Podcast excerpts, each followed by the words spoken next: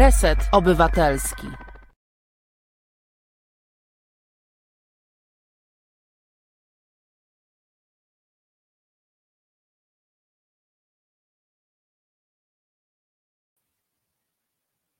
E, witam Państwa. Nazywam się Konrad Szołajski i zapraszam e, wszystkich chętnych do oglądania i słuchania na cotygodniowy program na WSPAK w ramach kanału Reset Obywatelski.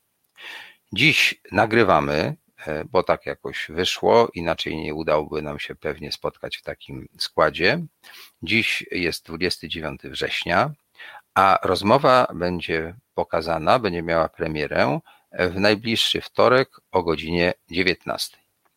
Program realizuje e, Filip Łeszega. Sponsorzy to Obrus, który został zaproszony na obiad oraz Joanna Beczala.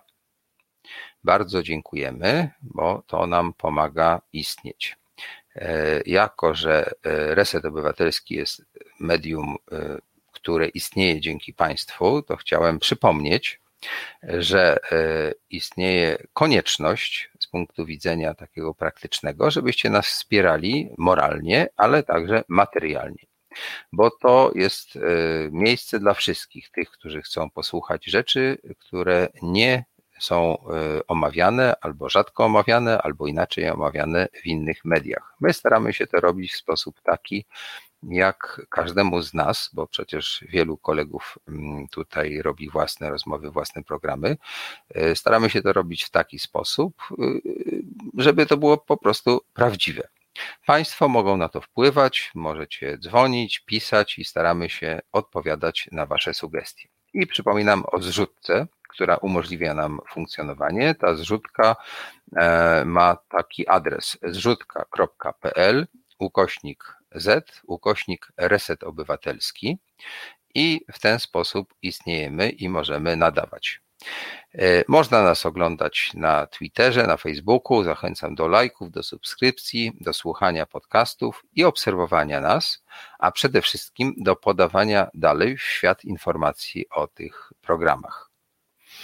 E, teraz może już po tym wstępie, tych ogłoszeniach parafialnych, powiem właściwie po co się dzisiaj spotykamy.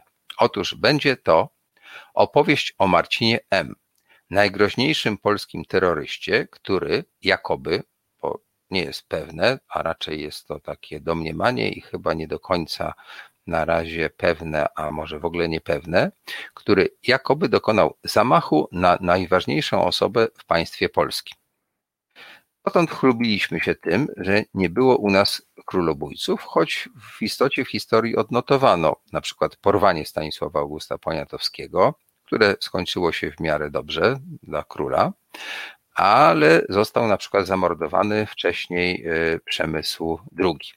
Więc to nie do końca jest tak, że nigdy żadnego króla tutaj nie zabito. Ale jedyny polityk, głowa państwa, który zginął e, pełniąc swoją misję w skrytobójczym zamachu w Zachęcie. To był pierwszy prezydent Rzeczypospolitej, Gabriel Narutowicz. No i teraz okazuje się, że istnieje podejrzenie, że może, czy mogłoby dojść do kolejnej tragedii tego rodzaju, a przynajmniej tak zdaje się sądzić prokuratura. I e, żeby już dłużej nie opowiadać, ja po prostu e, pokażę Państwu teraz krótki klip, w którym jest informacja właściwie, no, skąd my wiemy, że taka sprawa w ogóle zaistniała. E, I potem przedstawię gości, którzy nam wytłumaczą i naświetlą kulisy tej całej sprawy. No to prosimy realizatora Filipa o ten klip. Policja. Przez półtorej godziny byłem właśnie przesłuchiwany na tym posterunku policji w wyniku europejskiego nakazu dochodzeniowego European Investigation Order wydanego przez Polskę, przez polskie władze. E, może drogą wstępu wytłumaczę Wam, e, taki nakaz e, to jest część mechanizmów współpracy prawnej europejskiej, ustanowionych w celu zwalczania przestępczości poważnej, międzynarodowej. Tak, e, takie mechanizmy się, się mm, wykorzystuje przeciwko zorganizowanym grupom przestępczym, terrorystom oczywiście, czyli jak się wiem, jakiś przestępca ukrywa za granicą, e, wtedy wykorzystuje się właśnie taki europejski nakaz dochodzeniowy albo europejski nakaz aresztowania żeby taką osobę, takiego przestępcę zlokalizować. Jest to podobne do mechanizmów Interpolu, czyli taki europejski odpowiednik. Jest to oczywiście bardzo skomplikowana procedura, no ale wiadomo, że przy zwalczaniu przestępczości międzynarodowej jest to konieczne. No i właśnie na bazie takiego europejskiego e, nakazu dochodzeniowego byłem przesłuchiwany półtorej godziny mm, tutaj na policji w Brukseli. E, I teraz uwaga, uwaga, w jakiej sprawie został ten mechanizm e, uruchomiony. Jest to e, na podstawie sprawy prowadzonej przez prokuraturę okręgową w Warszawie, Wydział Drugi do spraw przestępczości gospodarczej i przez takie biuro współpracy międzynarodowej to przeszło do, do Belgii. I tutaj w Belgii jest też taka specjalna jednostka, która to obsługuje. No i do Belgii trafiła, trafiła teczka E, trafiły, trafiły akta sprawy. Koło, bym powiedział, no blisko pewnie 100 stron. E, miałem do nich wgląd. E, otrzymałem tylko tutaj kopię, taki mały tego, tego fragment. E, natomiast no, no to kilkadziesiąt stron dobre akta sprawy, ponieważ zostało to przetłumaczone e, na, z polskiego na język angielski, francuski i flamandzki. Przynajmniej na francuski przez tłumacza przysięgłego, podejrzewam, że pozostałe tak samo. Sprawa trwa już się toczy od stycznia 2021, e, więc to mamy w tym momencie już grubo ponad pół roku. Zaangażowane te różne jednostki, różne urzędy międzynarodowe w Polsce, w Belgii, jeszcze pewnie gdzieś po drodze żeby, żeby tą straszną sprawę wyjaśnić. No więc jak się domyślacie, jest to rzeczywiście sprawa wagi państwowej, e, przestępstwo ciężkiego kalibru, żeby takie mechanizmy uruchomić i żeby tutaj mnie w Brukseli o to ścigać. No i uwaga, uwaga, teraz Wam pokażę, przygotujcie się, jaki jest e, powód, jaki jest, jaki jest ten czyn, e, za który te, te, te wszystkie mechanizmy uruchomiono. Więc uwaga, uwaga. Powtórzę. Czyn, z powodu którego uruchomiono najcięższe mechanizmy współpracy międzynarodowej, europejskiej, e, to jest tweet. I proszę Państwa, ten tweet, pokażę go Wam, to jest taki oto tweet. E, wybaczcie, że to jest na lewą stronę. E, tweet pochodzi ze stycznia 5 stycznia 2021 pochodzi z konta Soku z Buraka. Tweet o treści Halo PiS, dlaczego Kaczyński zaszczepił się poza kolejką? Dziękuję bardzo za projekcję. Mam nadzieję, że ten krótki wstęp pozwolił Państwu trochę zorientować się o co chodzi, przy czym mówię świadomie trochę, bo to, co oglądaliśmy, jest na serio, aczkolwiek wtedy, kiedy po raz, po raz pierwszy usłyszałem o tej sprawie, to wydawało mi się, że to jest żart, że to jest coś w rodzaju takiego prowokacyjnego mm, działania, które ma służyć, nie wiem, ośmieszeniu czy, czy mm, satyrycznemu przedstawieniu pewnych procedur czy pewnych instytucji. E, trochę to wyglądało dla mnie, czy brzmiało tak, jakby to był e, tekst czy sytuacja wymyślona przez satyryków z grupy Monty Python.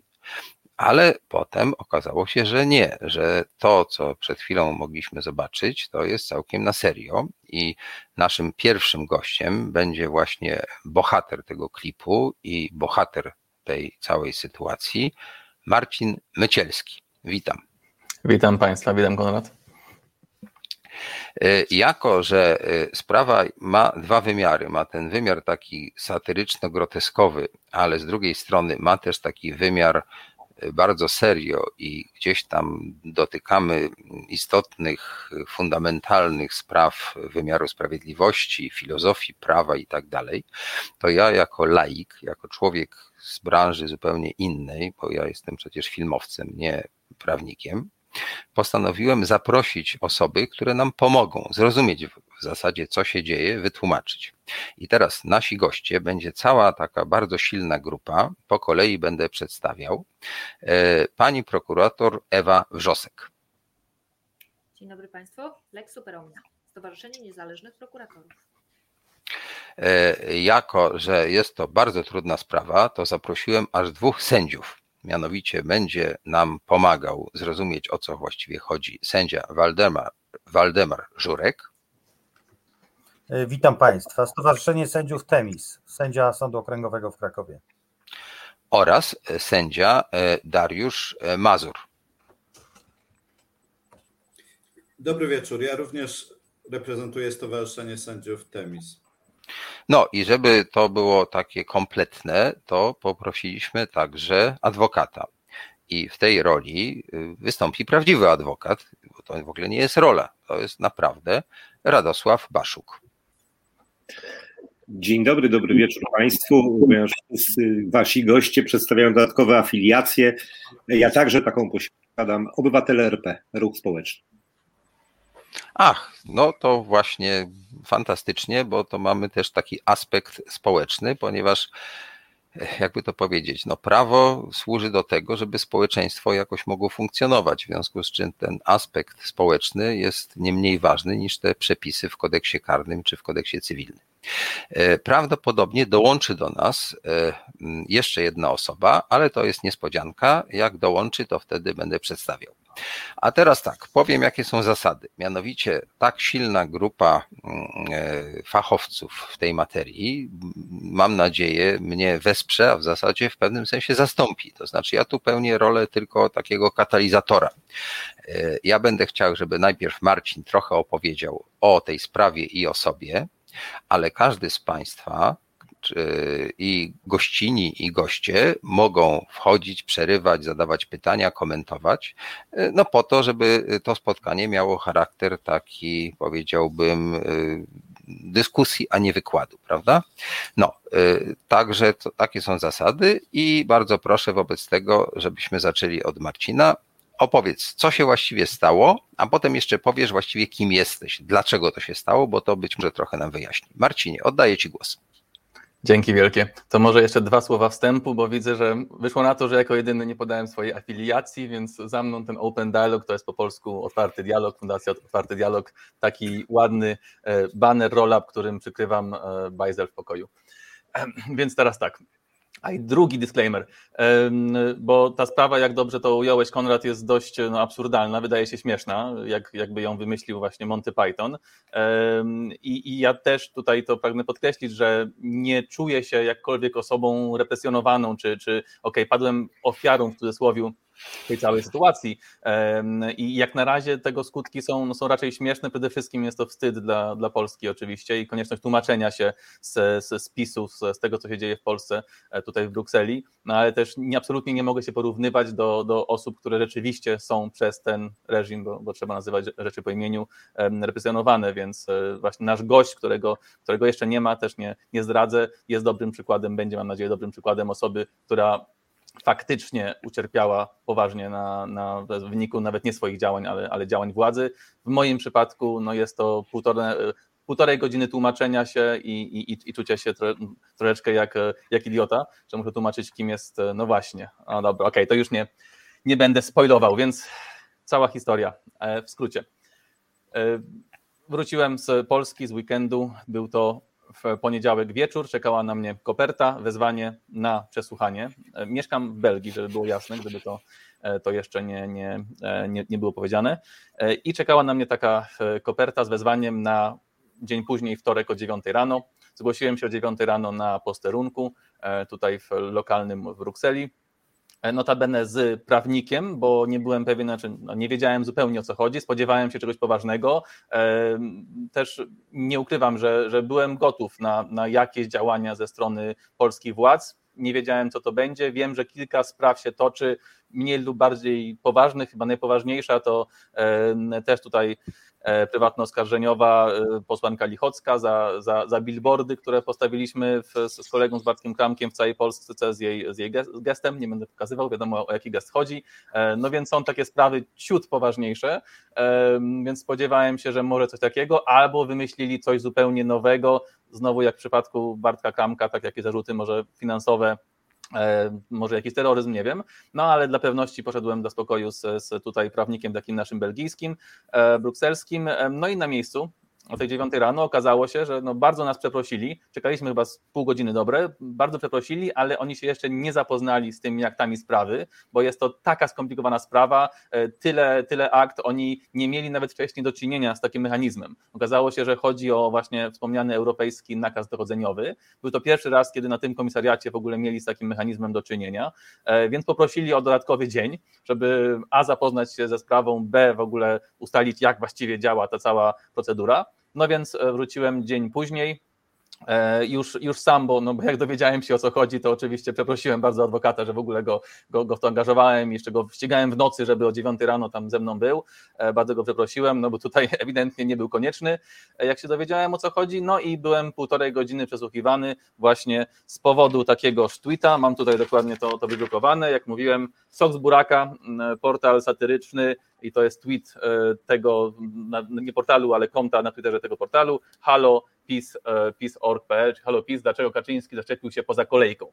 No i to cała sprawa, jak się okazało, e, dotyczy tego tweetu, a wynika z zawiadomienia prywatnego niejakiego pana Kaczyńskiego, Jarosława, który w tym celu specjalnie udał się właśnie na tą prokuraturę e, w okręgową w Warszawie. Czemu Wydział do Spraw Przestępczości Gospodarczej, nie wiem do tej pory. Może uznaje siebie za jednoosobową działalność, która, która rządzi państwem, nie wiem. E, w każdym razie złożył dwie strony e, zeznań. Mam tutaj, nie otrzymałem oryginału, ale mam, e, mam spisane, bo sobie przepisałem na, na polski, więc mam te zeznania. I na tych dwóch stronach pan prezes, naczelnik Słońce Narodu Kaczyński zeznał, że tymże tweetem naraziłem go na spadek zaufania Czyli tu już pierwsze no, zagrożenie oczywiście dla bezpieczeństwa państwa, e, zaufanie do prezesa mogłoby spaść. E, naraziłem tutaj, te, tutaj też na szwank jego moralność, bo takie, e, takie działanie mogłoby zostać e, uznane za, za skrajnie niemoralne. No i teraz co jest tutaj najgorsze w tym wszystkim? Najważniejsze e, tego skutki, że mógł z powodu tego tweeta zostać, nie zostać ponownie wybrany do władz partii oraz nawet do Sejmu, a nawet co więcej, mogłoby spaść poparcie listy PiS. Czyli generalnie cały PiS, całe państwo by się mogło rozpaść z powodu tego jednego tweetu. E, no i teraz e, dodam, to jest, no, jest sporo ciekawostek. Pierwsza ciekawostka jest taka, że tweet został e, wysłany, opublikowany w styczniu 2021 i faktycznie ja ten, tego Twittera obsługuję, tylko że od kwietnia. I jest to ogólnie wiadome, było wiele artykułów w prasie, że, że Fundacja Otwarty Dialog przejęła e, tenże sok z buraka, cały ten, ten portal, stronę na Facebooku, Twittera, ale w kwietniu, czyli cztery miesiące później. Tutaj mówimy o styczniu. E, no i e, jak można też z tego zeznania wyczytać, prezes dowiedział się od swoich współpracowników o tym strasznym tweetie, bo sam, cytuję, nie śledzi mediów społecznościowych, no i też zapewne ci sami współpracownicy go, e, go powiedzmy naprowadzili na, na to, kto może być autorem i wskazali z nazwiska mnie i jeszcze drugą osobę Wielkiej Brytanii. Zapewne dlatego, że rzeczywiście było to w, w, prasie tam trochę wcześniej, że mam z tym coś wspólnego. E, no i, no i właśnie takie zawiadomienie poszło i taki, taki END poszedł za mną. No, to w skrócie przedstawiłeś nam sprawę. Teraz dla tych którzy no nie do końca śledzą wszystkie wydarzenia i może nie zawsze są świadomi, jakie organizacje, jakie instytucje działają i w jaki sposób. Tak, na wszelki wypadek, przepraszam tych, którzy wiedzą doskonale, chciałbym, żebyś powiedział coś o Soku z Buraka i e, Fundacji Otwarty Dialog. No bo to, jak rozumiem, ma duże znaczenie w tym wypadku. Tu nie chodzi po prostu tylko o ten tweet, ale też o kulisy i charakter tych y, dwóch podmiotów. No oczywiście. No ja tutaj nie jestem osobą przypadkową. Zapewne, gdyby to chodziło o jakiegoś przypadkowego Kowalskiego, to by też takiej, takich, takich metod nie, nie używali. No jest to niewątpliwie właśnie ciąg dalszy już licznych, bardzo licznych ataków na naszą fundację, na Fundację Otwarty Dialog. No więc właśnie, fundacja w, w, zajmuje się przede wszystkim aktualnie obroną, ochroną praworządności w, w Polsce i demokracji. Oryginalnie zajmowała się prawami człowieka przede wszystkim e, na, na wschodzie, w regionie postsowieckim, no ale od 2017 roku zostaliśmy tak poniekąd wywołani do, do tablicy, e, no bo w Polsce wiadomo, co się już wtedy działo od, od dwóch lat. E, no i kolega Bartek Kramek opublikował post posta na, na Facebooku, czyli w sumie dość podobna historia. Post na Facebooku, w którym, w którym wymienił punkty, propozycje nieposłuszeństwa obywatelskiego. No i w wyniku tego, tego posta wówczas minister spraw zagranicznych Waszczykowski wszczął no, dużo działań, próbował narzucić zarząd komisaryczny fundacji, kilka śledztw w E, w, w, tym e, służby specjalne się włączyły, śledztwo e, skarbowe, no i one się toczą już, już od kilku lat. Potem było w 2018 pamiętne wydalenie Ludmiły Kozłowskiej, czyli prezes fundacji, wydalenie z, z, z Unii Europejskiej, też nadużycie właśnie takich europejskich mechanizmów, no tylko dużo oczywiście poważniejsze, została wpisana do listy systemu informacyjnego Schengen, wydała z Unii Europejskiej jako Ukrainka, mimo tego, że żona polskiego, e, polskiego obywatela, Batka Kramka właśnie. E, no i dopiero po kilku tygodniach udało się z powrotem do Europy e, sprowadzić, przywrócić i to było dzięki w sumie staraniom posłów niemieckich Bundestagu, potem też belgijskich, premiera, byłego premiera Belgii, Wielkiej Brytanii też, no kilka, w sumie pięć krajów Unii Europejskiej ten zakaz zignorowało, wpuściły ją do, do siebie, aktualnie Ludmiła mieszka, mieszka w, w Belgii, Belgii.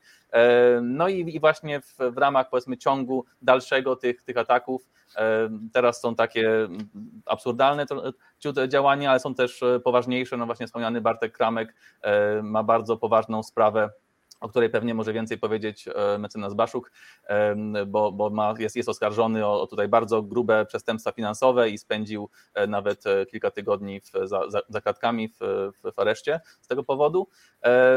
No i teraz jeszcze o, o, mojej działalności, w sensie też jak, czemu akurat ja konkretnie, no bo też fundacja przejęła e, tenże SOK. E, no właśnie, jest, czym jest jeszcze SOK? E, SOK z Buraka no, to był wcześniej e, portal, strona na Facebooku stricte satyryczna, oczywiście no, mocno polityczna, zabarwiona politycznie, ale, ale satyryczna. W momencie, kiedy myśmy ją przejęli, przekształcamy ten, ten SOK w bardziej taki, taki hub, centrum dla społeczeństwa obywatelskiego. Łączyło się w to kilka właśnie organizacji, ruchów społecznych i promujemy różne akcje, inicjatywy.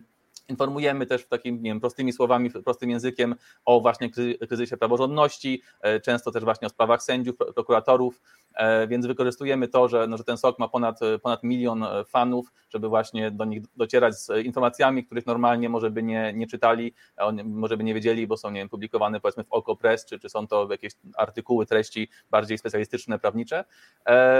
No i ja zostałem redaktorem naczelnym tego, tego, tego SOK-u.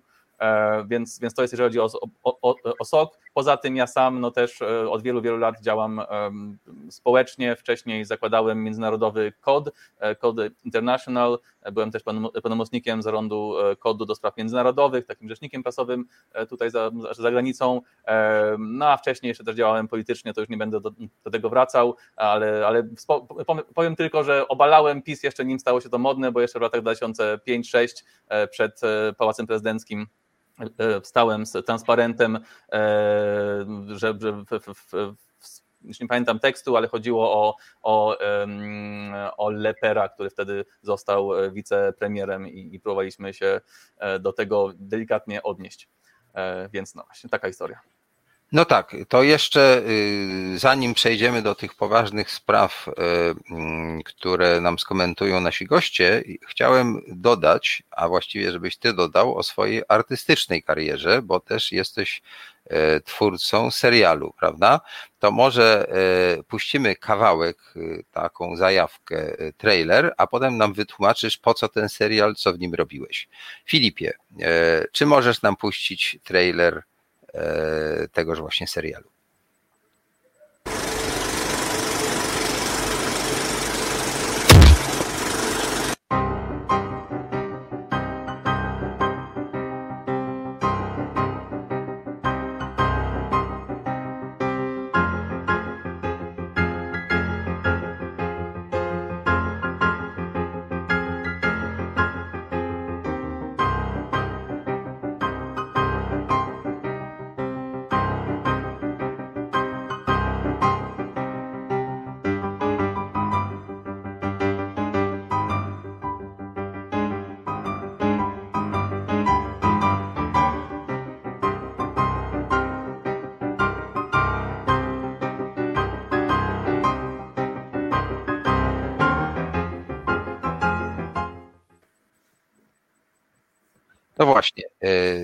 Zobaczyliśmy coś, co wygląda na zabawną produkcję telewizyjną.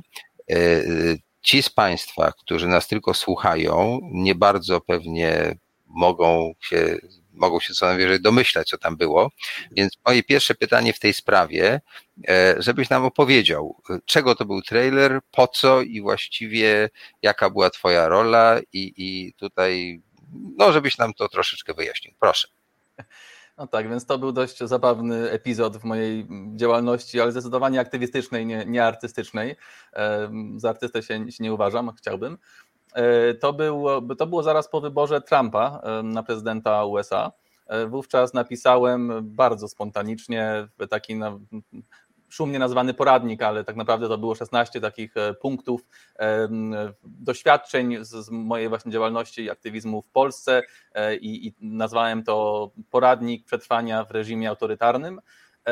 I to rzeczywiście poszło w tak zwany viral, czyli to rzeczywiście się po świecie niesamowicie rozniosło. W, w pierwszych dwóch tygodniach e, przeczytało to ponad 3 miliony osób, e, potem nawet to wylądowało w telewizji amerykańskiej, wiem, że w CNN było na dwóch e, uczelniach podobno to, to pokazywali jako tam właśnie przykład jakiejś nie, twórczości politycznej, aktywistycznej.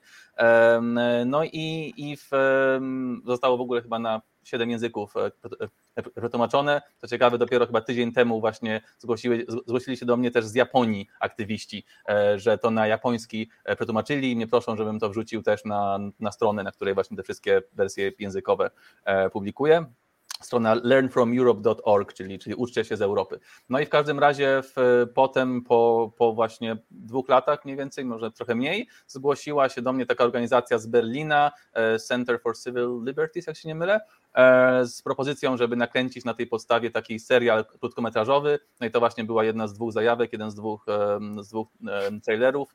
E, I to, to powstało w formie takiej troszeczkę no, komicznej, satyrycznej, ale no bardzo poważne tematy porusza, czyli właśnie 16, 16 e, objawów, jak poznać, że się już żyje w reżimie autorytarnym i jak sobie z tym radzić, jak, jak to zwalczać e, jako, jako nawet zwykły obywatel. No i właśnie taki odcinku 16 powstało, jest to na, na YouTubie. No tak, czyli jesteś osobą, która się naraża na różne sposoby, e, zarówno e, filmowo, jak i z transparentem przed Pałacem Prezydenta, jak i no, będąc tym naczelnym teraz soku z buraka, więc trudno się dziwić, że mogą cię nie lubić. Natomiast e, e, zakładając, że istnieje jakiś system prawny i że nie można, jak się kogoś nie lubi, mimo tego, że się go nie lubi, tak go aresztować. Kiedyś tak było, ale od czasu, jak jest neminem captivabimus i tak dalej, państwo pewnie tutaj mnie mm, poprawią i rozwiną te, te, no właśnie, to Waldku, potem ci oddam głos, albo jak nie, chcesz, to, teraz. Lepszy z tego. Darek jest lepszy. Y, o co chodzi? Od kiedy nie wolno tak aresztować tak bez powodu, albo ściąć głowy bez powodu? Jak to właściwie jest w naszej cywilizacji? Jeżeli chodzi o Wielką Brytanię, to Wielka Karta Swobód 1215 rok, czyli dość wcześnie. E, u nas to pewnie było troszeczkę później, nie, nie potrafię dokładnie określić kiedy i oczywiście na początku dotyczyło to tylko szlachty. E, być może to jest jakiś klucz na rozwiązanie zagadki wydania europejskiego nakazu e, dochodzeniowego w tak błahej sprawie. Być może mamy tutaj do czynienia z jakąś specjalną kategorią obywatela, która zasługuje na szczególną ochronę. Y, jak już nawiązujemy do historii, mieliśmy kiedyś taki, taką specjalną kategorię przestępstw, które się nazywały crimen lese majestatis, czyli zbrodnia obrazy majestatu osoby panującej. No chyba z czymś takim tutaj mamy do czynienia. A to tak pół żartem, pół serio.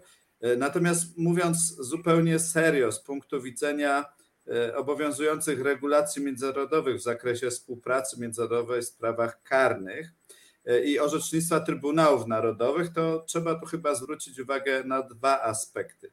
E, po pierwsze, w świetle orzecznictwa Europejskiego Trybunału Praw Człowieka, osoby takie, które są publicznie znane, w tym zwłaszcza politycy, powinni mieć szczególnie grubą skórę i oni no, nie powinni się przejmować jakimiś y, drobnymi docinkami. To, to jest już stare orzecznictwo Europejskiego Trybunału Praw Człowieka, między innymi sprawa Axel Springer przeciwko Niemcom.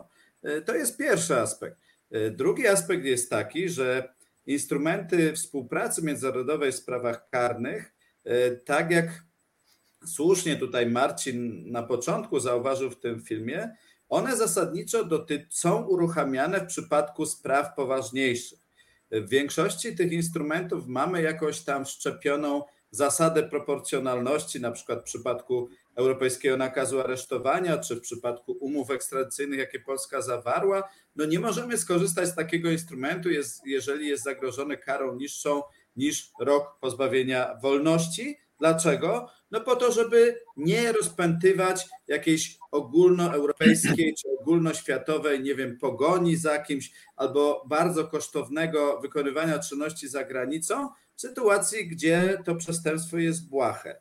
No i oczywiście ta e, zasada znajduje e, również zastosowanie w przypadku europejskiego nakazu dochodzeniowego, również powinien być wydawany w sposób rozważny, zachowaniem e, zasady proporcjonalności. Bardzo mnie dziwi skorzystanie z tego instrumentu e, w tak, e, w tak błahej sprawie. To jest wręcz, no, no nie spotkałem się z taką sytuacją.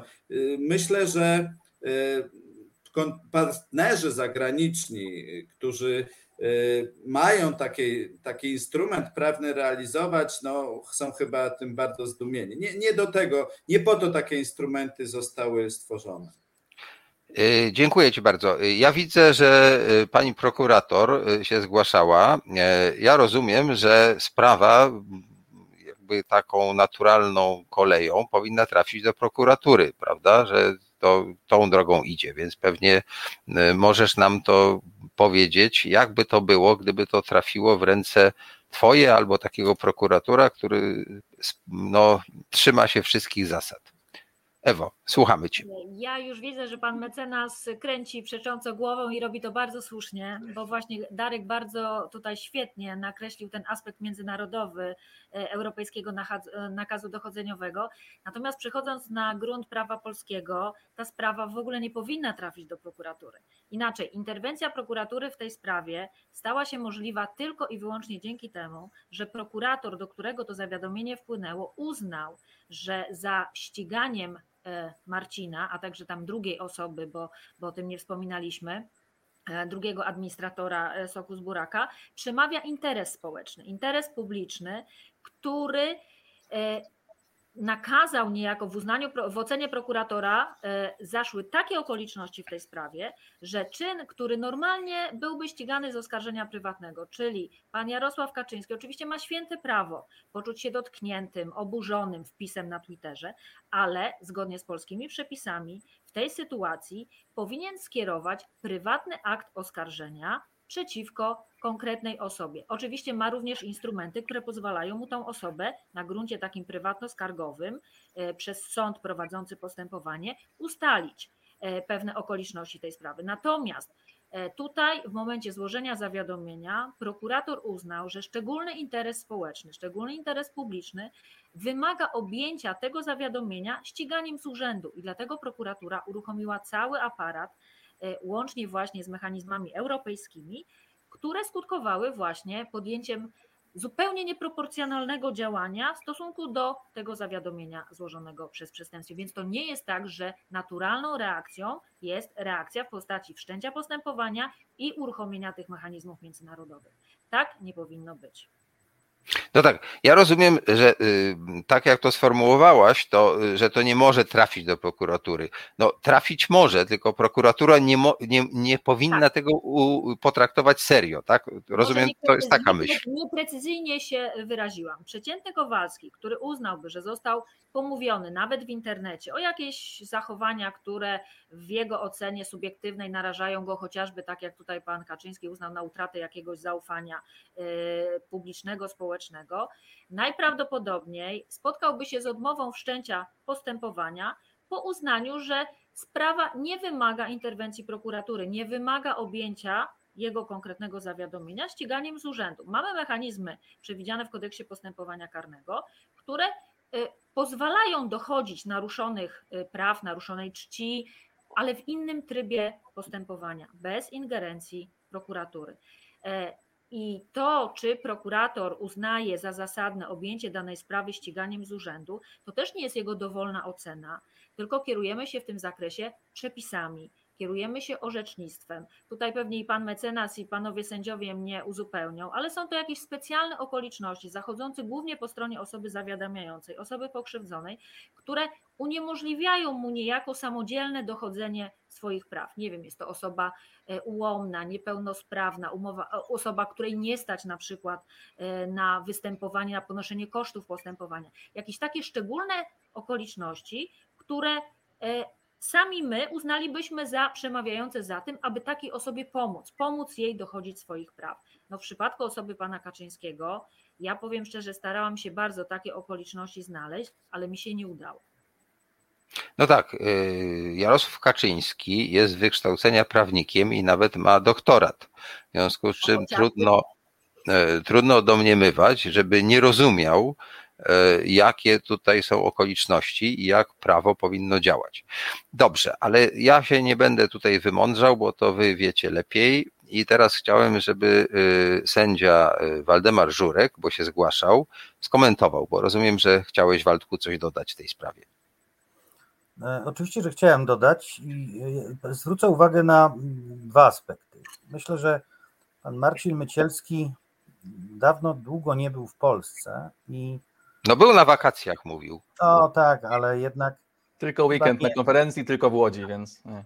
Tylko weekend. My od naprawdę dobrych kilku lat stajemy się takim oświeconym reżimem w środku Europy ale oświeconym, to podkreślmy, to, bo ty bardzo często jesteś krytyczny, a widzę tutaj złagodniałeś. Nie, nie, oświeconym dlatego, że należymy do Unii Europejskiej, jeszcze na szczęście. W momencie, gdy z tej Unii wyjdziemy, stanie, staniemy się reżimem pełnoobjawowym w modelu białoruskim. Być może nawet jeszcze bardziej mm, represyjnym y, niż oglądamy ten model. Y, dzisiaj te represje, one są y, rozproszone i dotykają no, nie, nie całego społeczeństwa, ale pewnych określonych grup, y, które y, no właśnie twórcy tego reżimu traktują jako wrogów publicznych. I myślę, że my się musimy zacząć może nie oswajać z tym, ale musimy się przyzwyczaić, że y, te wszystkie działania, które są, my się oczywiście tutaj z nich trochę uśmiechamy, że za jakiś wpis w sumie niewinny uruchamia się straszną machinę, odciągając tak naprawdę cały aparat państwa od ścigania realnych przestępstw, bo też musimy to obywatelowi powiedzieć. E, każde e, takie działanie, które no, to tłumaczenie, to wysyłanie, to są ogromne koszty, które ponosi nasz podatnik. To jest kompromitacja oczywiście naszych organów wymiaru sprawiedliwości e, w Unii Europejskiej, ale moim zdaniem jest to cel też ukryty. To pokazuje, że ci twórcy reżimu, oni już zatracają się w takim rozumieniu normalnych demokratycznych mechanizmów, albo robią to z pełną premedytacją, to znaczy wysyłają sygnał do organizacji pozarządowych, które uznają za wrogów ludu, jak to dawniej w komunie mawiano. Uwaga, popatrzcie, w tak błahej sprawie jesteśmy w stanie ściągnąć was na komisariat w Belgii, jesteśmy w stanie zaangażować prokuraturę, która zajmuje się przestępczością gospodarczą, e, czyli wy już, e, ci, którzy się nie zgadzacie z naszymi poglądami, no możecie spodziewać się najgorszego. Możecie spodziewać się najgorszego. Dopadniemy was w każdym miejscu w Europie czy na świecie. I tak robią reżimy. Zwróćcie Państwo uwagę, że szereg reżimów ściga swoich obywateli mm, za granicą y, poprzez wyimaginowane sprawy. Jak słyszymy, prawda, to Aleś Bielacki to była osoba oskarżona o malwersacje finansowe, opozycjonista białoruski. E, Nawalny miał sprawy, prawda, o nielegalny handel drewnem. Żaden, żadna z tych osób to nie były osoby ścigane za poglądy polityczne w oficjalnej tezie reżimu. E, e, to było wszystko przykrywką. Natomiast to ma być sygnał dla innych organizacji, dla tej, która jest uważana za wroga ludu, ale także dla innych organizacji. Zobaczcie, my, wam, my was dopadniemy, jesteśmy w stanie utrudnić wam bardzo życie, denerwować was, odciągać od od życia rodzinnego, od pracy zawodowej. I to jest moim zdaniem bardzo istotny aspekt tej sprawy i tutaj nie wolno go lekceważyć. Chciałbym jeszcze powiedzieć o, o drugim aspekcie, mianowicie pokazuje to całkowite podporządkowanie, niestety z przykrością, poza y, wolnymi prokuratorami z Lex Super Omnia, całkowite podporządkowanie aparatu prokuratury, y, urzędów prokuratorskich, prokuratorów. I to, i to jest dla mnie niezwykle przykre, bo, bo to oznacza, że, że ten reżim jest już bardzo silny i nie wolno go lekceważyć, dlatego że jeżeli ma się wojsko, policję, prokuraturę i służby, no to to jest tylko pół kroku, żeby stworzyć obozy filtracyjne i e, wyprowadzić nas z Unii. Za chwilę będziemy mieli to, co, e, to, co mamy w krajach e, o reżimie pełnoobjawowym. Natomiast ja bym chciał Państwu jeszcze na koniec tego fragmentu wypowiedzi powiedzieć, jak no, z dzisiaj, z dzisiaj dostałem dowód na to, co się dzieje złego w prokuraturze. Proszę sobie wyobrazić, że jakiś czas temu zadałem pytanie prejudycjalne do Trybunału Sprawiedliwości Unii Europejskiej, bo z jednej z spraw, które prowadzę, cywilnych, Frankowicza przeciwko bank. E, Przepraszam, na sekundę wejdę Ci w słowo. Ja wiem, że e, e, termin prejudycjalny już często występuje w mediach, ale mimo wszystko chciałem, żebyś wytłumaczył, skoro wystąpiłeś tak. z takim pytaniem, dlaczego, po co, w oparciu o co. Dobrze? Jesteśmy oczywiście e, związani traktatami e, o funkcjonowaniu Unii Europejskiej i mamy Sąd Europejski, TSUE, Trybunał Sprawiedliwości Unii Europejskiej, który tak naprawdę e, między innymi odpowiada na pytania sądów krajowych, czy nasze rozwiązania krajowe są zgodne z zapisami traktatu, czyli z prawem europejskim.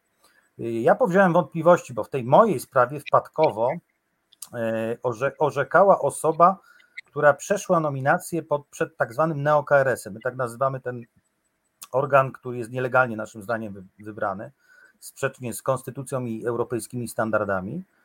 I ja zadałem to pytanie prejudycjalne. I proszę sobie wyobrazić, dzisiaj do tej sprawy e, wstępuje prokurator i składa wniosek o to, żeby mnie jako sędziego e, prowadzącego tą sprawę wyłączyć z postępowania. I tutaj przeczytam Państwu bardzo taki fajny fragment pomimo tego, że ja jeszcze nie wiem, co odpowie Trybunał Sprawiedliwości Unii Europejskiej, strony nie zaskarżyły tego mojego postanowienia, bo to się orzeczeniem zadaje pytanie e, Trybunałowi.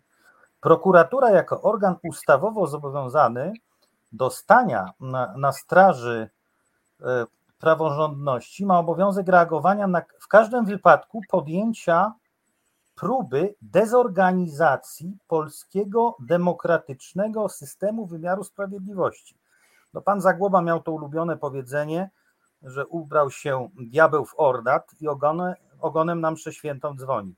I to jest dokładnie to. Jak, jak to. jak to czytam, są jeszcze inne sformułowania, nie chcę tutaj zabierać zbyt dużo czasu, gdzie naprawdę włos jeży się na głowie. Ktoś się pod tym podpisał, proszę Państwa. Oczywiście prokurator z, y, napisał tutaj bardzo ciekawy pasus, że mm, jak gdyby wobec powyższego, mając na uwadze polecenie pierwszego zastępcy prokuratora generalnego, prokuratora krajowego z 16 grudnia 2019 i tak dalej, czyli powołuje się na polecenie no aż prokuratora generalnego, pierwszego zastępcy w sprawie zadania przez sędziego krajowego pytania prejudycjalnego do TSUE, y, którego nie zaskarżyły strony mające profesjonalnych pełnomocników. Czekamy wszyscy na tą odpowiedź. Nie wiemy, jaka ona będzie, dochodzi do tak absurdalnej sytuacji. Prokurator chce wyłączyć e, sędziego, który prowadzi prywatną sprawę cywilną w sądzie cywilnym okręgowym. I to pokazuje e, niestety, e, że mamy sytuację bardzo poważną. To, to co dotyka pana Marcina Mycielskiego, jest wierzchołkiem góry lodowej. I my, prawnicy, którzy dzisiaj w Polsce funkcjonujemy w życiu zawodowym, wszyscy tutaj zgromadzeni, e, mamy świadomość, że tego nie wolno lekceważyć i my nie powinniśmy się z tego śmiać, bo to oznacza, że e, naprawdę zaczynamy wchodzić już w ten reżim pełnoobjawowy. On oczywiście będzie soft w, w pozorach, dlatego że dopóki jesteśmy w Unii Europejskiej i mamy jeszcze część wolnych mediów, ci ludzie, którzy ten reżim tworzą, będą mieli jeszcze jakieś skrupuły, ale mechanizmy wszystkie zostały wdrożone i one właśnie w taki sposób nam y, ujawniają y, tą sytuację. Dziękuję Ci, Waldku. Czy Ewa chciała to skomentować, bo podnosiłaś rękę? Tak króciutko, e, ja powiem szczerze, mnie zaintrygował ten fragment e, o tym, że prokurator składając taki wniosek o wyłączenie powołuje się na wytyczne prokuratora krajowego czy zastępcy prokuratora krajowego. Tak. No, no ja powiem szczerze, że to jest, e, znaczy tak, kwestia techniczna. Te polecenia są wiążące, ale wyłącznie dla prokuratorów. One nie mają statusu przepisów obowiązujących na zewnątrz, poza korporacją, poza firmą, poza prokuraturą. Więc powoływanie się y, w obiegu, w obrocie prawnym na jakieś e, polecenie prokuratora krajowego, które jest de facto wiążące wyłącznie dla prokuratorów, co jeszcze powiem szczerze, my możemy jakby oponować przeciwko wykonaniu tego polecenia. To nie jest tak bezwzględnie, że zamykamy oczy i musimy wykonać polecenie prokuratora krajowego, bo je wydał prokurator krajowy. No to jest po prostu przerażające. To jest sytuacja, w której policjant powołując się na polecenie swojego komendanta, E, zobowiązuje obywatela, czy, czy no, no tu w ogóle mamy relację z sądem, więc to jest w ogóle jest jakaś e, zachwianie w ogóle proporcji. E, prokuratura nie jest organem usytuowanym w Konstytucji, nie mamy takich uprawnień. Wniosek o wyłączenie oczywiście i przystąpienia do udziału w sprawie prokurator zawsze może złożyć, ale powiem, surrealistyczne jest przywoływanie w tym zakresie polecenia prokuratora krajowego, który jest aktem wewnętrznym. Ja się zastanawiam, jeszcze wejdę ci w słowo, czy nie było to przypadkiem tak, że prokurator zadziałał tu jak Piłat, albo się boi już e, Też to tak tego, co zrobił Też i powiedział, tak no, panie sędzio, niech pan czyta się w ten, w ten fragment, ja po prostu chciałbym inaczej, ale wykonuję polecenia prokuratora generalnego. Ja też to, tak odczytałam, natomiast ja nie mam usprawiedliwienia dla tego rodzaju sytuacji, tak? E, nie wiem, mamy jakiś pogłos, nie wiem, czy nas dobrze słychać. Mamy pogłos, tak. tak, tak. Słychać dobrze. Tak, okej. Okay.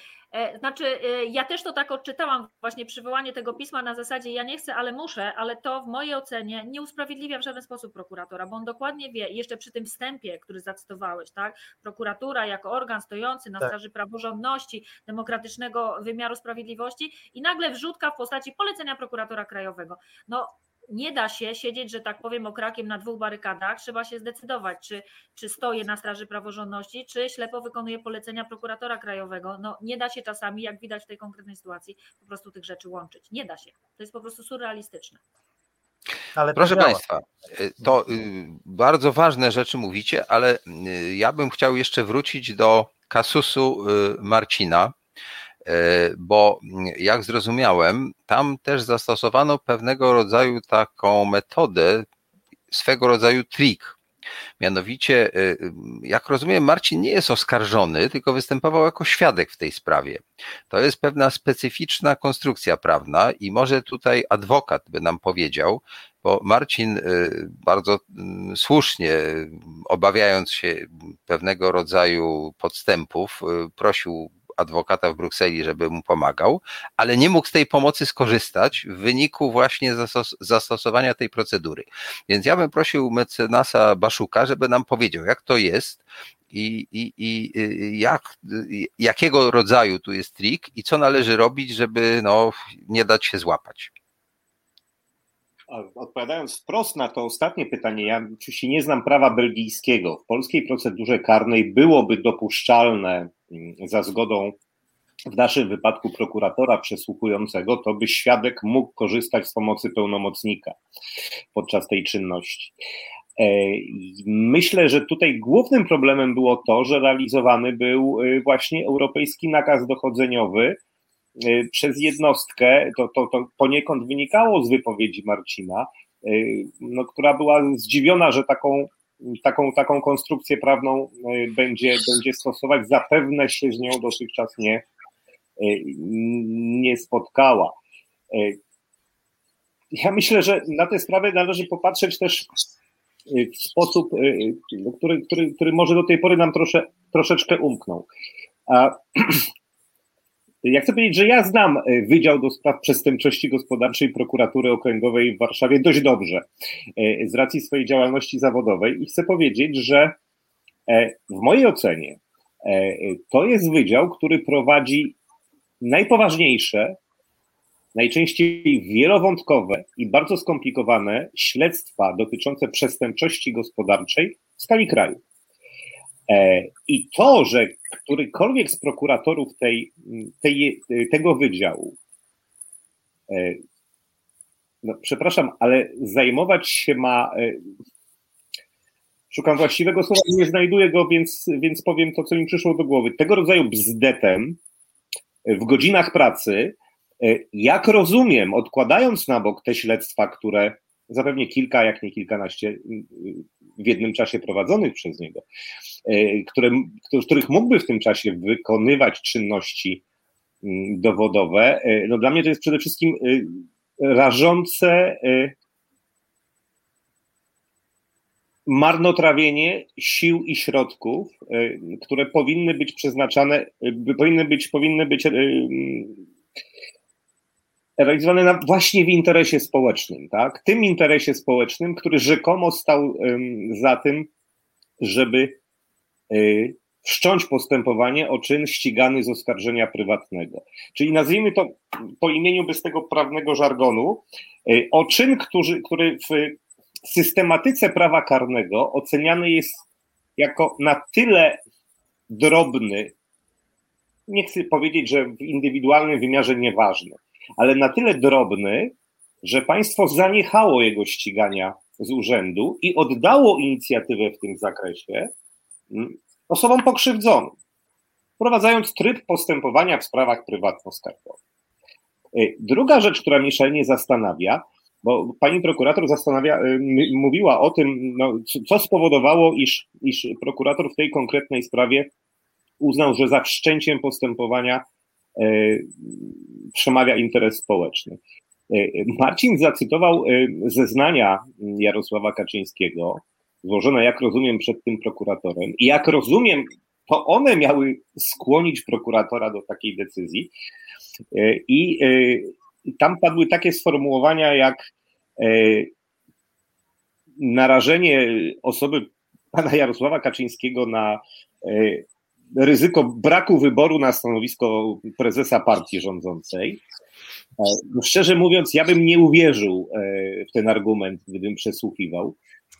Wydaje mi się, że przewodnictwo pana Jarosława Kaczyńskiego było niezagrożone jednak.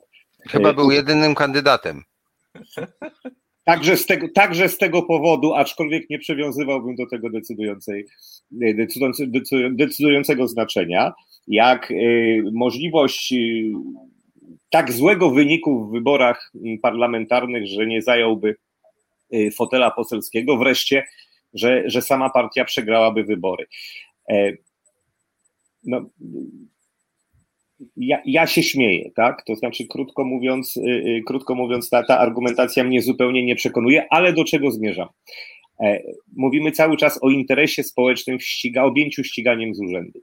I tu mamy do czynienia chyba z istotą problemu. A mianowicie postawieniem znaku równości pomiędzy interesem społecznym e, a interesem partii rządzącej. E,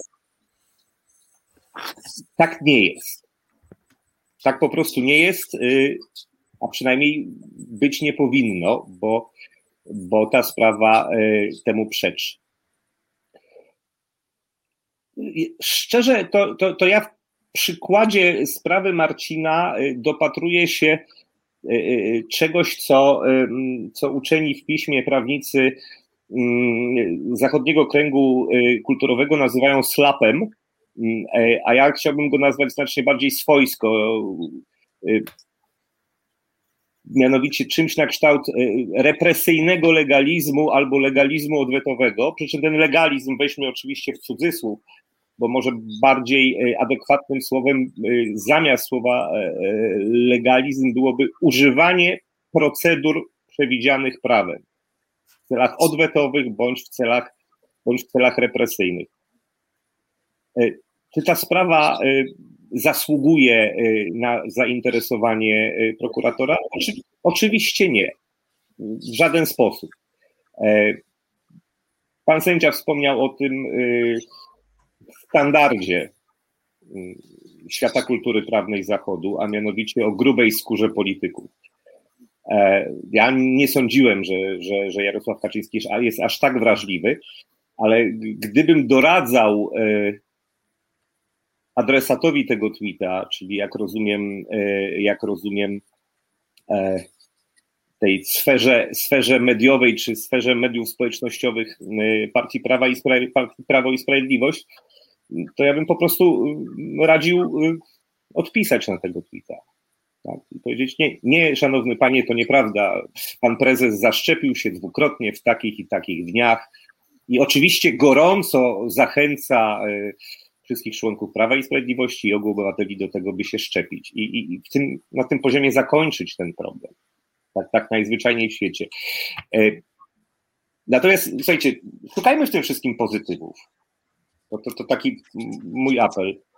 Może na kanwie tej sprawy e, Jarosław Kaczyński doceni, najpierw spostrzeże, a potem doceni zalety uczestnictwa Polski w Unii Europejskiej, chociażby w kontekście pogłębionej integracji i współpracy prawnej organów państw członkowskich, y, robionej w oparciu o instrumenty prawa unijnego, bo europejski nakaz dochodzeniowy jest instrumentem y, prawa unijnego i, i to w zasadzie tego panu prezesowi serdecznie oczywiście y, życzę. Dziękuję Ci, Radku. Widziałem, że Marcin chce koniecznie skomentować tę sprawę. No to słucham. E, nie, takie krótkie tylko e, adwocem e, do trzech, trzech spraw, które, które, trzech kwestii, które poruszył Radosław. Po pierwsze, jeżeli chodzi o właśnie tutaj prawo belgijskie, to mnie poinformowała inspektor, która mnie przesłuchiwała, E, to był jej, jej nawet pomysł, że według niej powinienem być przesłuchiwany właśnie e, jako, jako podejrzany i że według niej specjalnie mnie, mnie przesłuchują jako świadka, ponieważ właśnie w prawie belgijskim nie przysługuje mi prawnik jako świadkowi, czyli, czyli tutaj, tutaj rzeczywiście nawet według niej oni właśnie próbowali mnie na taką minę e, wprowadzić, żebym właśnie coś, coś palnął, bo, bo nie ma ze mną, ze mną prawnika.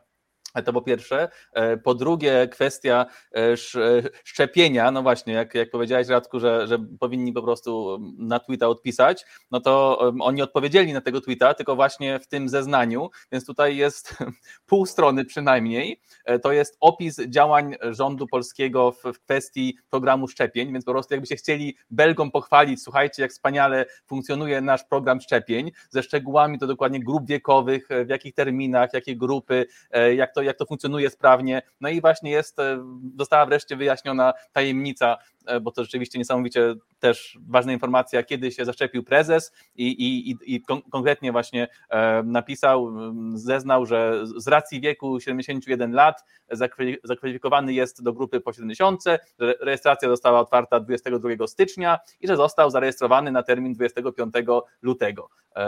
Więc, e, więc to, jest, to jest troszeczkę absurdalne w ogóle, żeby, żeby to, to, to było w takim, w takim zeznaniu.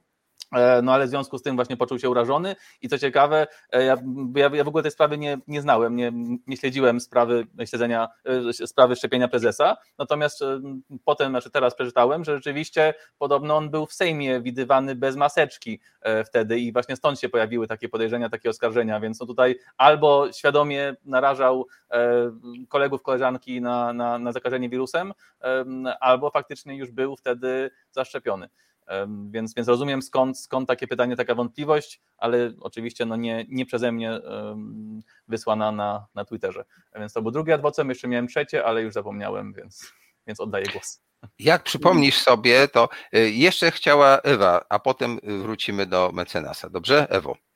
Tak króciutka właśnie uwaga do tego pierwszego zdania, które Marcin powiedział, a mianowicie to, że został wezwany i, przez, i był, e, występował w tym postępowaniu w charakterze świadka. To niestety jest bardzo negatywna e, praktyka, częsta dość niestety i policji, i prokuratury, że osobę, którą podejrzewa się o popełnienie przestępstwa, to już abstrahując oczywiście od tego konkretnego stanu faktycznego, wzywa się e, na przesłuchanie w charakterze świadka.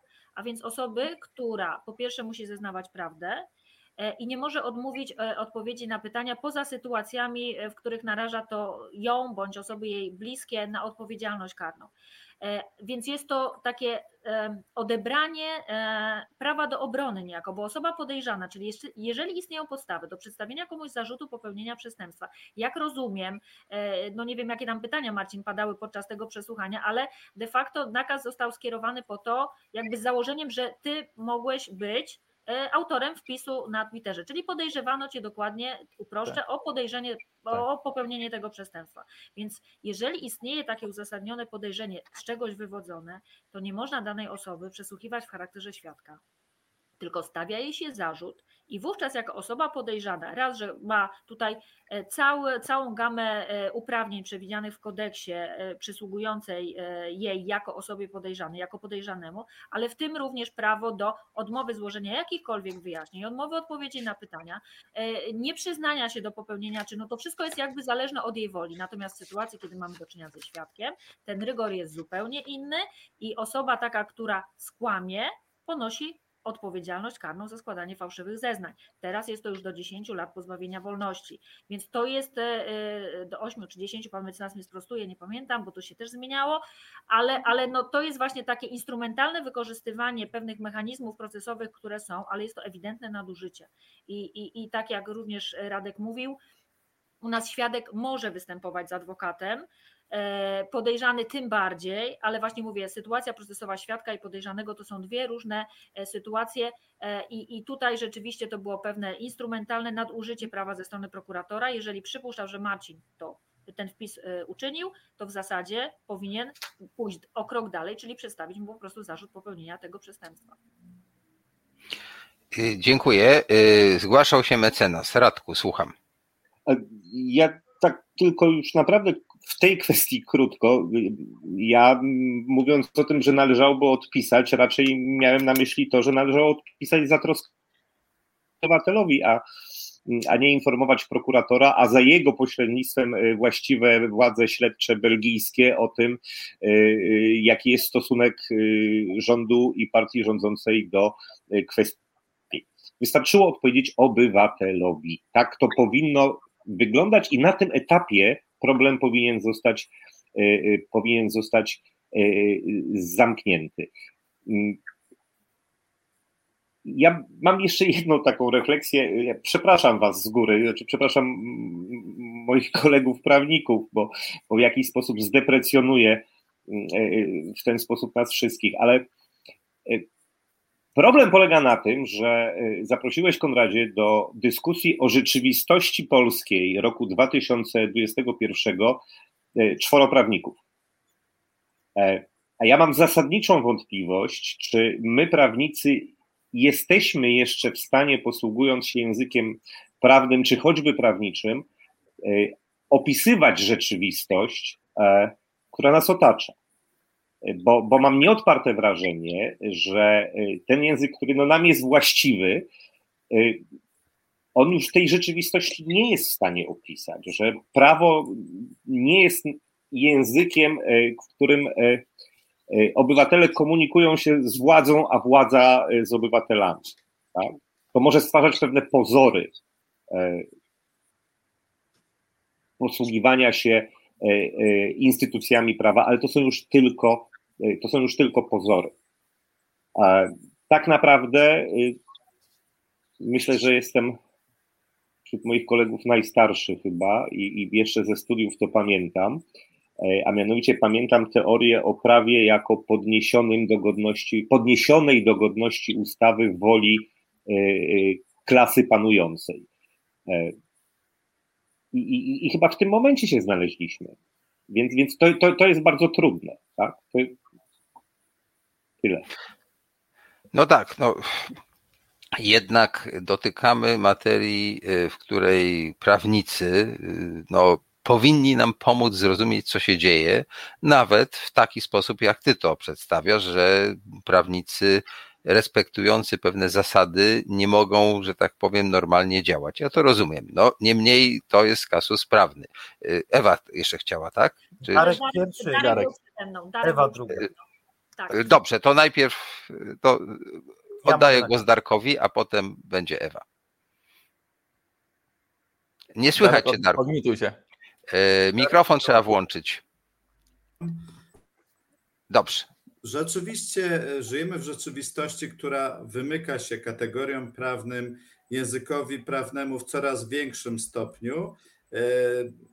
No, to jest wolny żart, że E, prokurator rzeczywiście obejmuje ściganiem z urzędu taką sprawę, wobec e, gdzie pokrzywdzonym ma być polityk, który powinien mieć grubą skórę, który powinien, jeżeli uważa to za stosowne, skomentować to w przychylnych mu mediach, do których ma dowolny czas antenowy i na tym ta cała sprawa powinna się zakończyć bez jakiegokolwiek uruchamiania maszyny ścigania, całego tego aparatu, a tutaj widzimy, że to jednak idzie inaczej. No, można tutaj użyć e, języka, jeśli nie prawniczego, to języka literackiego, konkretnie Orwella, Folwark zwierzęcy, który teraz czytam e, dziecku.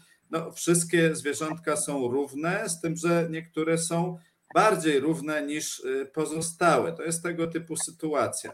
Ale oczywiście możemy się zastanawiać, jak to jest w ogóle możliwe. I tutaj y, dla nas to wszystkich będą truizmy, ale takich parę słów tytułem wyjaśnienia, jak ta machina ścigania została przekształcona. Otóż y, w kwietniu 2016 połączono funkcję prokuratora generalnego i ministra sprawiedliwości. O tym pewnie wszyscy wiedzą, przy czym niektórzy uważają, że to był powrót do tego modelu, który funkcjonował parę lat wcześniej, zanim te funkcje rozdzielono za kadencji e, prokuratora generalnego Seremeta. Otóż nie, w momencie połączenia w 2016 tych dwóch funkcji e, prokuratora generalnego ministra sprawiedliwości wyposażono dodatkowo w bardzo szerokie uprawnienia śledcze.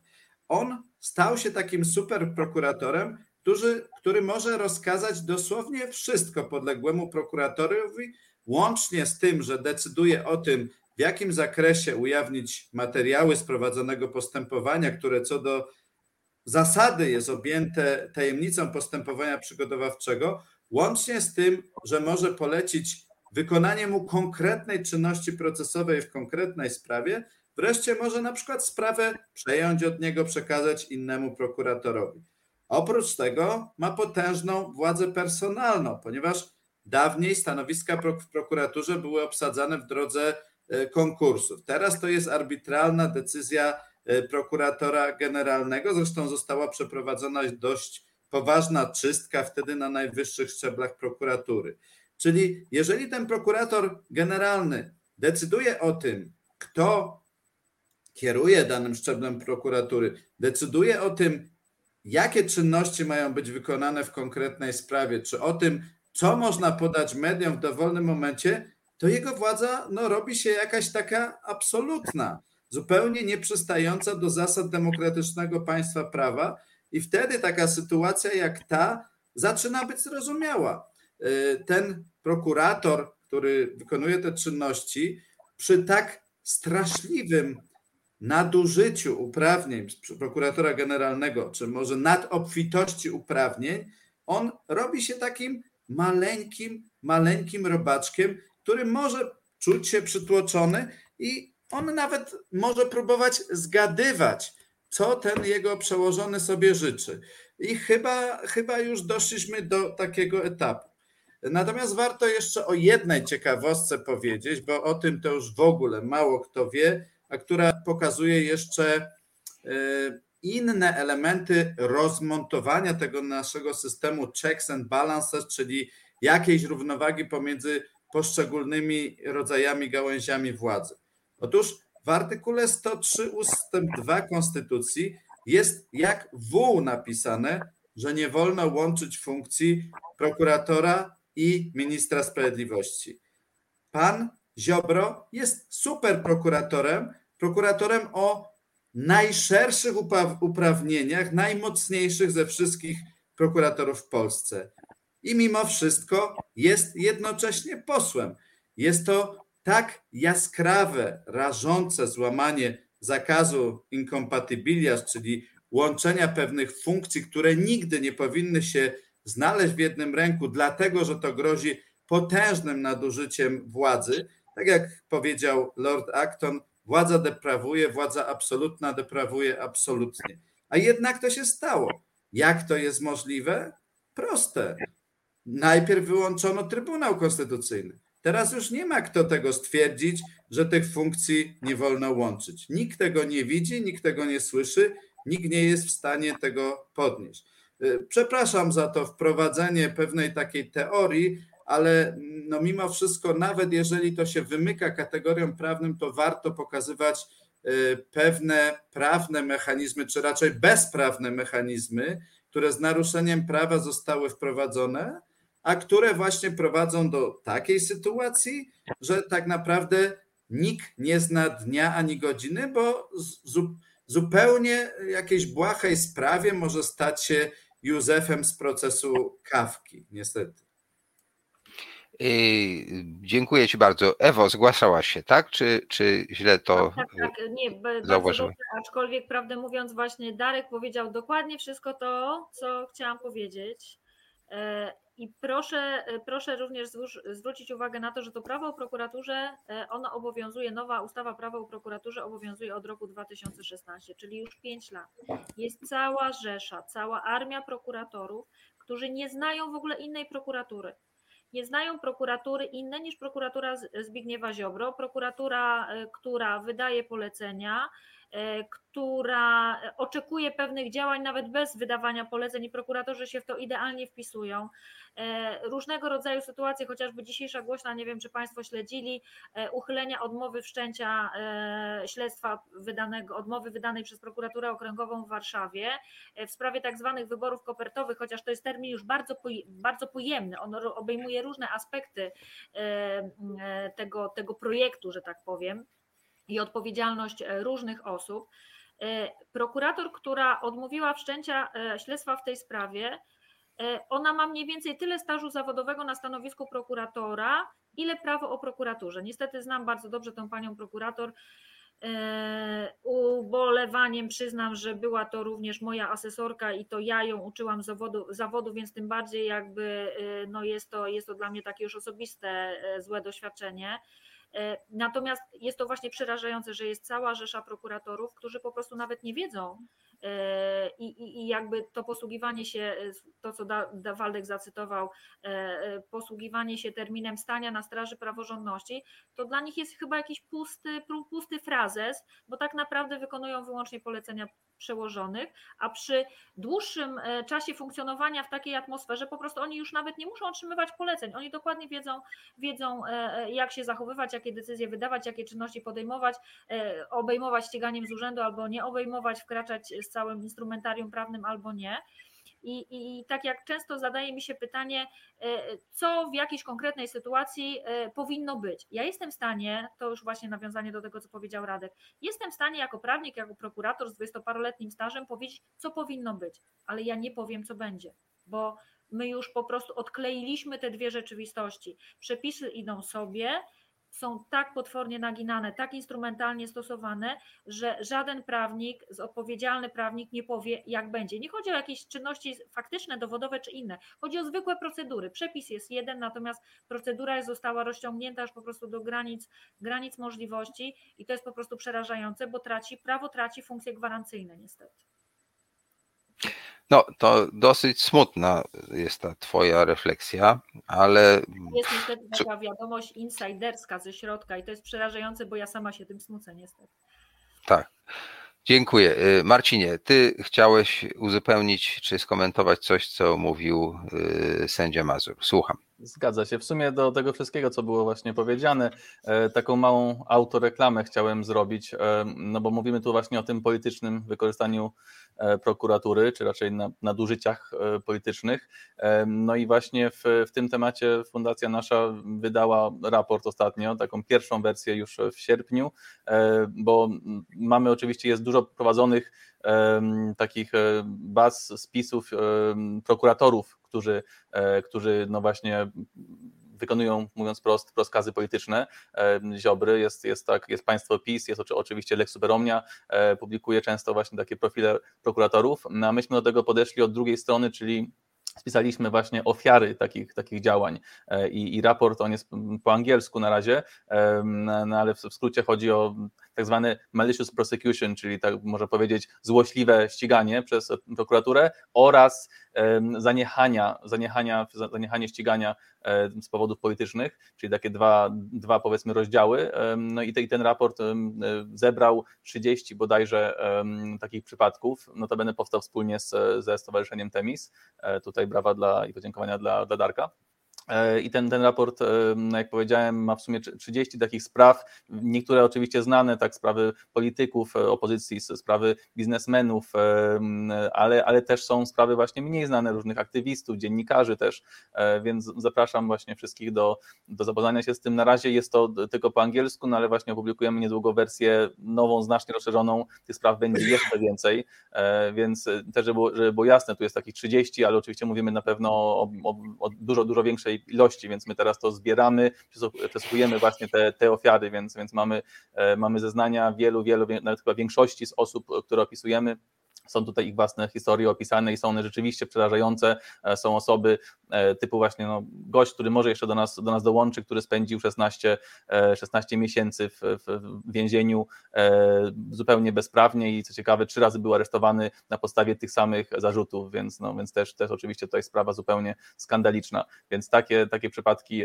opisujemy w tym, w tym raporcie. Będzie jego nowa wersja, ukaże się za kilka tygodni i tego typu raporty my, my tworzymy na potrzeby instytucji europejskich europejskich i, i międzynarodowych, e, więc e, dlatego on, on jest póki co po angielsku, no ale właśnie z tego, co, co się orientujemy, to, to nikt inny niestety e, tego typu prac, tego typu raportów nie, nie przekazuje właśnie tej, tej, tej opinii międzynarodowej, są one publikowane często nie wiem, na, na stronie, na jakichś social mediach, no ale my po prostu jedziemy na, na Kapitol, spotykamy się w, w parlamentach krajowych, w w Zgromadzeniu Parlamentarnym Rady Europy w Strasburgu, czy, czy w OBWE, czy oczywiście Komisja Europejska i Parlament Europejski tutaj w Brukseli. Po prostu te raporty właśnie przekazujemy e, i, i, i, te przypadki konkretne naświetlamy, no bo to jest też taka lekcja, którą myśmy wyciągnęli z, z walki właśnie o prawa człowieka w regionie postsowieckim, że należy zawsze pokazywać konkretne osoby, twarze, nazwiska e, osób, które, które cierpią, tak, że to okay, jedno to jest oczywiście problem systemowy, ale tego efektem są konkretne ofiary, konkretne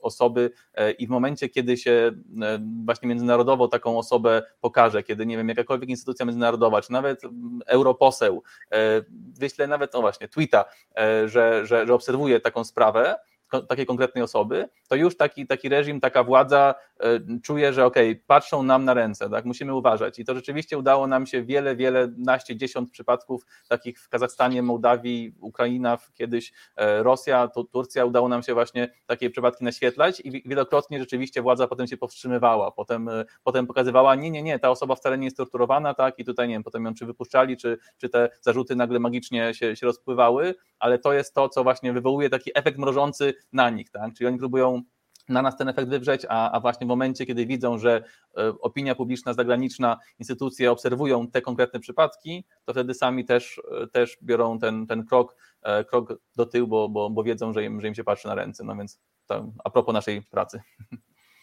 To może ja tutaj dodam informację taką trochę anegdotyczną. E, będąc studentem, e, przygotowywałem film pod opieką artystyczną Krzysztofa Kieślowskiego, który w tamtym czasie realizował film e, i tego filmu nie ukończył. Film polegał na tym, że rejestrował to, co działo się w czasie mm, procesów działaczy podziemnej Solidarności, aktywistów w czasie stanu wojennego, którzy protestowali przeciwko temu, co się wtedy działo, a robotnicy, którzy brali udział w strajku, liderzy tych strajków i tak dalej, stawali przed sądem. I Kieślowski y, filmował y, tych sędziów i, i tych oskarżonych.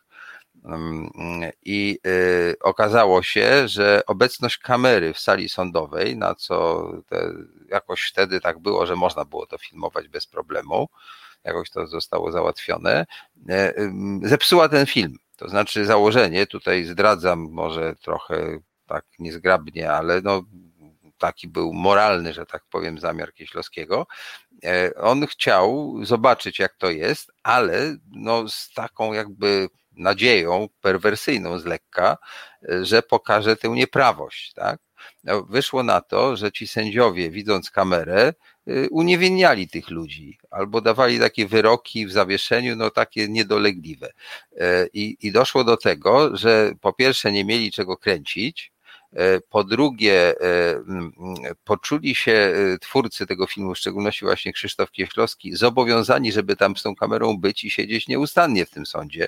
To potem już nie wkładali tam w ogóle negatywu do kamery, tylko, tylko z tą kamerą nam się ładowali, a to była ogromna kamera, bo wtedy te to się wszystko kręciło na negatywie, na kliszy i do tego była taka specjalna dźwiękoszczelna obudowa, tak zwany blimp i to miało wielkość prawie jak, nie wiem, Fiat 126P, więc żeby to tam zatargać na górę w tych sądach na Lesznie, to była spora praca kilku ludzi z wytwórni na Chełmskiej, ale oni dzielnie to robili, bo jakby powodowało to, że y, ci mm, oskarżeni byli uniewinniani. No, a na końcu Kieślowski musiał napisać piękny list do dyrekcji wytwórni, że niestety rezygnuje z robienia tego filmu, ponieważ tak jakoś mu to nie wychodzi. Tak? To taka może sytuacja trochę zabawna, a trochę mówiąca o tym, jak te mechanizmy działają i jak media czy film e, mo, może pomóc. Ale ja tutaj trochę może zabawię się w e, takiego mąciciela, adwokatu z diaboli, taką rolę przyjmę, no bo generalnie pewnie trochę, albo nawet bardzo się muszę z wami zgadzać, natomiast popatrzmy na to może tak bardziej optymistycznie, to znaczy jak ja na przykład rozmawiam z przedstawicielem, e, no nie chcę tu zdradzać ani nazwiska, ani nawet kraju, ale jednego z krajów arabskich, który u nas mieszka, jest spolonizowany i tak dalej, i tak dalej. I y, na swoim Facebooku zamieszczał informacje i wiersze, które pisał patriotyczne, no, krytykujące ten rząd, który tam rządzi w tym kraju, z którego on wyjechał. Otóż w którymś momencie do niego zgłosiła się mm, służba bezpieczeństwa z tego kraju i mu powiedzieli w sposób jednoznaczny, że wprawdzie tutaj może za wielkiej krzywdy mu nie zrobią, ale on ma tam rodzinę i jeśli dalej chce uprawiać tę radosną twórczość i, i, pisać te patriotyczne wiersze krytykujące reżim, to może, ale ta rodzina, no niestety będzie miała kłopoty, więc ma wybór, tak? To tak się yy, i to mi opowiadał, prosząc, żebym nie zdradzał jego nazwiska, ani, ani nawet chyba właśnie nazwy tego kraju. E, a inna sprawa, no to znamy tę sytuację z Nowiczokiem, Salisbury, Skripalem i tak dalej, więc może być gorzej, prawda? Więc tutaj chcę powiedzieć, że nasz miłościwie panujący jest łagodny, dobrotliwy i oświecony w porównaniu z tym, co znamy y, ze wschodu. No to tak wrzucam tutaj troszeczkę taką prowokacyjną myśl, aczkolwiek może ona nie jest najmądrzejsza, ale tak, żebyśmy się wszyscy tak ze sobą nie zgadzali, bo wtedy dyskusja jest troszeczkę jednostronna. I teraz, Konrad, że mam pilnować, kiedy piję herbatę. No, myślę, że należy przewidywać przyszłość i człowiek, który myśli, e, to y, zastanawia się nad tym, czy nie pić butelkowanego napoju z pewnego źródła w pewnych sytuacjach. Teraz proponuję, żebyśmy przez chwilę ochłonęli, posłuchali muzyki, a potem przejdziemy do następnego rozdziału, y, rozszerzymy trochę spektrum, zastanowimy się jeszcze szerzej nad filozofią i y, prawa w Polsce teraz i nad tym, co możemy robić tak naprawdę, no nie tylko mówiąc, że w zasadzie nic nie możemy zrobić, no bo wtedy w ogóle ten nasz program nie ma sensu, tak? Spróbujmy myśleć optymistycznie, co można, a może na przykład Jarosław Kaczyński go obejrzy i zobaczy, jak słabo to wypadło i może jak gdyby jego doradcy zmieni doradców po prostu. Bo tutaj jeszcze taką anegdotę przytoczę, że najbardziej zabawny y, element tych, tych y, strajków kobiet y, z zeszłego roku, ja robiłem wtedy film o, o tym, nie użyłem tego, tego klipu, ale pamiętam to przemówienie Jarosława Kaczyńskiego z tymi rączkami takimi i ci doradcy, którzy tak posadzili i on tak musiał jak chomik tam wypowiadać się, no to go jakby troszkę ośmieszyli. Także myślę, że ci sami doradcy mogli doradzić, żeby tutaj wytoczył te, te wielkie działa, tę bombę atomową, żeby złapać Marcina, który nawet chyba tego tweetu sam nie napisał. W związku z czym to coś jest nie tak. No. Dobra, to y, zastanawia, zastanawiamy się nad tym, y, jak, co można robić, żeby, żeby było lepiej i słuchamy muzyki. To jest Reset Obywatelski. Tworzymy go razem. Dołącz do nas na YouTube, Facebooku i Twitterze. E, witam e, naszych widzów i słuchaczy.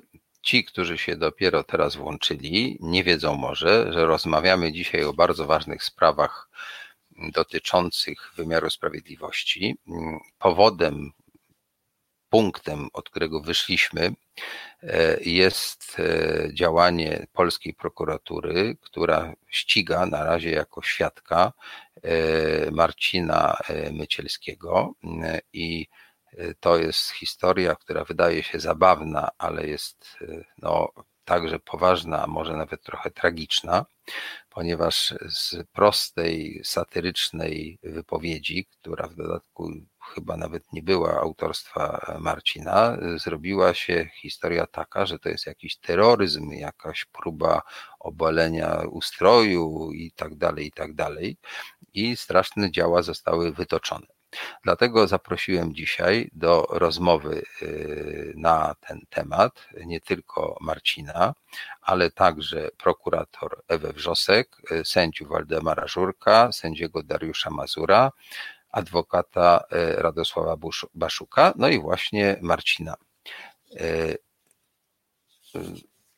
Ja widzę, że coś jest nie tak z naszym sygnałem. Czy mnie słychać? Słychać, słychać. Tak. Dobrze, tak. no bo przez chwilę miałem wątpliwość. No, wygłosiłem taki krótki wstęp. Mam nadzieję, że skoro był słyszalny, to wszyscy, którzy do tej pory mm, nie słuchali, teraz wiedzą, o czym rozmawiamy. I staram się namówić teraz naszych e, prawników, żebyśmy zastanowili się w ogóle nad filozofią prawa w obecnej sytuacji, jak może ono działać. Ja mam pewną taką w sobie chęć pozytywną, to znaczy niezależnie od tego, jak y, czasem bywa źle, ja żyłem jeszcze w PRL-u i pamiętam, że mnóstwo rzeczy się nam nie podobało, ale mimo wszystko potrafili prawnicy bronić y, ludzi oskarżanych przez y, ówczesne władze o różne przestępstwa. Często zresztą wtedy stosowano taki trik, że jak ktoś rozrzucał ulotki krytykujące władzę, to oskarżano go nie z paragrafu jakiegoś politycznego, tylko zdaje się, że zaśmieca miasto, prawda? E, I e, jeśli ktoś coś naklejał, to zdaje się wprowadzono do kodeksu karnego taki zapis, że nie wolno bez zgody właściciela obiektu naklejać niczego na ten obiekt i tak dalej, i tak dalej, więc wtedy były, no w ogóle wiadomo było, że w PRL-u rządzi partia i tak dalej, i tak dalej, a mimo wszystko jakoś jednak e, prawnicy, przynajmniej niektórzy, potrafili się zachować i były przypadki takiego no, heroizmu i, i sukcesów. No i dzisiaj jest trochę podobnie, a z drugiej strony, jak patrzymy na naszych, powiedzmy, politycznych przywódców, takich jak Jarosław Kaczyński, to ja zawsze tak się zastanawiam, czy przypadkiem takie spokojne tłumaczenie, rozmowy i tak dalej, w którymś momencie ta kropla nie zacznie drążyć skały tak, że ta skała się, że tak powiem, ugnie. Mm, no bo jak ktoś zrozumie, że ci jego doradcy go ośmieszają, to w, tym, w którymś momencie może się zastanowić, czy to w ogóle ma sens. To tak, taka nutka może optymizmu. No ale państwo wiedzą, tak, wy jesteście praktykami wy uprawiacie te zawody e, prokuratora, sędziego i adwokata. Co, co może robić Kowalski, kiedy na przykład przedstawiciel e, wymiaru sprawiedliwości organów ścigania wyda mu takie dziwne polecenie, każe mu robić coś osobliwego i jakie są granice, prawda? Co tutaj można robić? To kto z Państwa pierwszy nam tutaj wskaże drogę, jak możemy się dzisiaj zachowywać, żeby no, nie łamiąc prawa i, i zachowując pewnego rodzaju rozsądek, znaleźć taką ścieżkę przyzwoitą, normalną, po której możemy kroczyć. Panią prokurator, prosimy. To znaczy, ja bym troszkę może inaczej tą kwestię postawiła, bo, bo tu yy, przedstawiłeś to w ten sposób, że to obywatel ma się zastanawiać, jak ma się postępować, jak ma się zachowywać, żeby nie wejść nie wiem, w jakiś kurs kolizyjny z organami wymiaru sprawiedliwości. No ja to widzę troszkę inaczej. E, wszystkie organy władzy, wszystkie organy państwa, w tym i wymiaru sprawiedliwości, powinny działać wyłącznie na podstawie przepisów prawa i w granicach prawa, więc tak naprawdę tutaj ten akcent powinien być położony w mojej ocenie e, po tej drugiej stronie. I tu mamy większy problem. E, I tu powinniśmy podjąć tego rodzaju działania. Znaczy, ja to może ograniczę się tutaj do tej instytucji, którą reprezentuję, jakby powrotu do, do pewnych korzeni, powrotu do zasad, odpolitycznienia tej instytucji. To jest jakby chyba podstawowa rzecz, bo przepisy mniej lub bardziej, e, e, bym powiedziała, szczęśliwie sformułowane my mamy. Kodeks wykroczeń, do którego się odwołałeś, ten o naklejaniu w miejscu do tego nieprzeznaczonym różnego rodzaju naklejek czy napisów i tak dalej, jest bodajże panie mecenasie i panowie sędziowie 71 roku, tak? My chyba nie zmieniliśmy kodeksu wykroczeń. Kodeks karny się owszem zmienił. Mieliśmy kodeks 69 roku, później nastąpiła zmiana, aczkolwiek pan minister Ziobro chyba niekoniecznie przywiązał się do nowej procedury i, i, systematycznie wprowadza rozwiązania, które chyba są e, mu znajome właśnie z tego okresu, kiedy był na studiach, był na aplikacji prokuratorskiej i asesurze, czyli właśnie przywraca rozwiązania e, kodeksu karnego 69 roku i to jest jakby zmiana strasznie niedobra i wstecz. E, czyli jakby jeśli chodzi wyłącznie o, prokuraturze, o prokuraturę, ja myślę, że jesteśmy, jesteśmy w stanie e, zapewnić takie poczucie bezpieczeństwa obywatelom, stojąc właśnie na straży praworządności, na, na, na straży, której powinniśmy stać, tylko musimy się pozbawić albo zdjąć z nas należy tą czapę, e, czapę właśnie polityczną. Niestety każda władza ma to do siebie, że lubi mieć prokuraturę po swojej stronie, przy czym e, ta władza aktualna robi to w sposób e, no, zupełnie zachłanny i bez opanowania i jest to właśnie dla nas obywateli bardzo niebezpieczne. Dla nas prawników jest to również niebezpieczne, no bo jak pracować, jak podejmować decyzje wedle swoich najlepszych kompetencji, wiedzy i przekonania, kiedy następnego dnia dostaje się faks z przeniesieniem do innej prokuratury o 300 kilometrów od domu, więc to, to też jest jakby y, no, taki aspekt, niby powinniśmy być prokuratorami nieugiętymi, natomiast no, życie niestety często weryfikuje różnego rodzaju y, właśnie podstawy tego typu. Y, dlatego odpolitycz no, słowo niewłaściwe. Po, y, zdejmijmy tą czapę polityczną, zdejmijmy e, po prostu ten nacisk ze strony rządzących i tą próbę instrumentalnego wykorzystania e, organów władzy publicznej właśnie w interesie partii rządzącej. I to będzie bardzo dobry krok do tego, żeby tą sytuację jakoś ustabilizować, opanować, nawet na podstawie tych e, uregulowań prawnych, które aktualnie, z którymi aktualnie mamy do czynienia. No tak, ja się zgadzam, że y, ryba psuje się od głowy i gdyby mm, władza nie podporządkowała sobie prokuratury, y, sądów i tak dalej, no to byłoby lepiej. E, ale nie chodzi o to. Dla przeciętnego człowieka, e, który e, sobie żyje i niekoniecznie jest y, biegły, jeśli chodzi o, o, o prawo, o, o, przepisy i tak dalej. E, y, y, taki człowiek czasem przypadkowo znajduje się w sytuacji, w której staje na takiej drodze kolizyjnej e, z e, kimś dobrze umocowanym we władzach. No, takim przykładem doskonałym jest ten młody kierowca jakiegoś maleńkiego samochodu, na który wpadł, czy prawie wpadł ten wielki samochód pani premier Szydło, tak?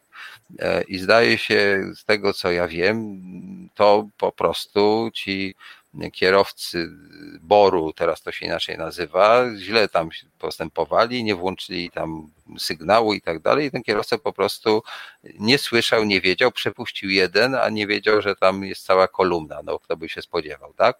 I cały ten aparat y, y, rzucił się na niego i wiem, że tam mnóstwo było popełnione różnych dziwnych czynów, łącznie z tym, że zaginęły jakieś dyski czy płyty z dowodami i tak dalej, co w ogóle jest nieprawdopodobne, a się stało, tak? E, I y, dowodem na to, że no, opinia publiczna była po stronie tego młodego człowieka, jest to, że zdaje się, była zrzutka na to, żeby mu kupić nowy samochód i tak dalej, i tak dalej. No bo było takie poczucie, że tutaj czy sama pani premier, czy też, nie wiem, otaczający ją ludzie, zamiast zachować się przyzwoicie, to po prostu próbowali tego E, młodego człowieka upodlić i odwrócić sytuację, że to nie on, e, że to nie oni są winni, tylko że to on jest winien i tak dalej. No i każdy z nas może się znaleźć w takiej sytuacji, jak, jak ten chłopak. Jest świetny film e, Kazimierza Kuca, Zawrócony chyba się nazywa, młody człowiek e, bierze udział w jakiejś tam manifestacji, a tak zupełnie przypadkowo w stanie wojennym i potem trafia na ścieżkę zdrowia. Ścieżka zdrowia dla tych, co nie wiedzą, to było po prostu takie bicie po to, żeby ten, ten człowiek, który e, jest tam poniewierany, w zasadzie on nie jest na takiej klasycznej ścieżce zdrowia, tylko mm, poli- milicjant, wtedy była milicja, każe mu biegać po schodach do góry i na dół i to tak kilkadziesiąt razy czy więcej. Ten mm, biedny bohater grany znakomicie przez e, Zbigniewa Zamachowskiego mało tam ducha nie wyzionął. I to, jak ta władza go potraktowała, powoduje, że on jakby zawraca z tej drogi, bo miał już tam jakoś się wdać w jakieś tam struktury partyjne czy coś i zaczyna rozumieć, że jeśli nie będzie, mm, e, no jeśli pójdzie tą drogą, to będzie fatalnie, tak? Więc on jakby przeżył coś takiego, i zobaczył, jak działa ten, ten, te, te, jak działają te organa ścigania, jak to ładnie nazywasz, upolitycznione. No więc pytanie, co ma robić taki Kowalski, który y, jedzie sobie na rowerze, a tu przejeżdża na przykład ta kolejna kolumna samochodów i go zrzucają do rowu, a potem wychodzi na to, że on chciał się zamachnąć na prezydenta albo premiera na przykład, tak? Albo nie wiem, jakakolwiek inna podobna sytuacja. Co możemy zrobić? I, i, i iść, iść do adwokata, iść, no właśnie tylko możemy iść do adwokata, bo ch chyba tak, no pomóżcie. Ja myślę, że pan mecenas y, Radosław by najwięcej miał do powiedzenia, ale ja się zgłosiłem pierwszy, bo jeszcze nie powiedzieliśmy o jednym aspekcie, który, y, który dzisiaj jest bardzo istotny. Ten prokurator generalny jest ministrem sprawiedliwości. I on dzisiaj trzyma wszystkie sznurki w rękach. Trzyma sądy dyscyplinarne, bo wyznacza rzeczników dyscyplinarnych dla sędziów. E, miał bardzo duży wpływ na tą izbę dyscyplinarną. E, I, i mamy ten system domknięty. Nawet adwokaci i radcy w drugiej instancji, czyli tej ostatniej, są sądzeni przez coś, co TSUE uznało, że nie jest sądem w rozumieniu prawa europejskiego. Potwierdził to Sąd Najwyższy. Więc y, ja myślę, że ty, Konradzie, masz taką idealistyczną wizję, że dzisiaj obywatel, y, który zderzy się z państwem, y, no, będzie w jakiś sposób obudowany procedurami, które w normalnej funkcjonującej demokracji ochronią go przed tym. A ja dzisiaj widzę to inaczej zupełnie. Y, trudno dać jakiekolwiek rady obywatelowi. Y, trzeba tylko życzyć mu szczęścia, że trafi na dobrych, odważnych adwokatów z jednej strony, a z drugiej strony na niezależnych sędziów, takich, którzy nie boją się władzy. Y, mm, oczywiście mówimy tutaj o tych przypadkach, gdzie obywatel zderzy się, tak jak dałeś przykład, z osobą, która no jest już w tej grupie która dzierży władzę i nie chce jej oddać nikomu. To może być oczywiście polityk wysokiego szczebla, tu dałeś przykład zderzenia z, z samochodem pani premier, ale bardzo często jest to e, na szczeblu lokalnym i te zderzenia mogą być bardzo różne, e, bo ten obywatel no, nie, może mieć oczywiście stłuczkę z radnym, który należy do jedynie słusznej partii, może się kłócić z nim o miedzę, E, e, może to być wreszcie kwestia, e, nie wiem, budowy szkoły, czy jakiegoś, jakiegoś innego, jakiejś innej drobnej rzeczy, która później przeradza się w taki spór, że ten obywatel czuje się całkowicie bezradny, dlatego że widzi, widzi polityków ze świecznika, prokuratura nie stawia zarzutów za bardzo poważne zarzuty, no nie tylko z pogranicza polityki, ale takie stricte z kodeksu karnego. E, więc co sobie dzisiaj może pomyśleć obywatel? No jestem zdany na, na odważnych sędziów. Myśmy dzisiaj mieli w Krakowie, ja chcę o tym wspomnieć w tym miejscu, bo to pokazuje, że jednak ten obywatel ma jeszcze dzisiaj możliwości wierzyć w odważnych adwokatów, bo my ich znamy, oni także bronią nas.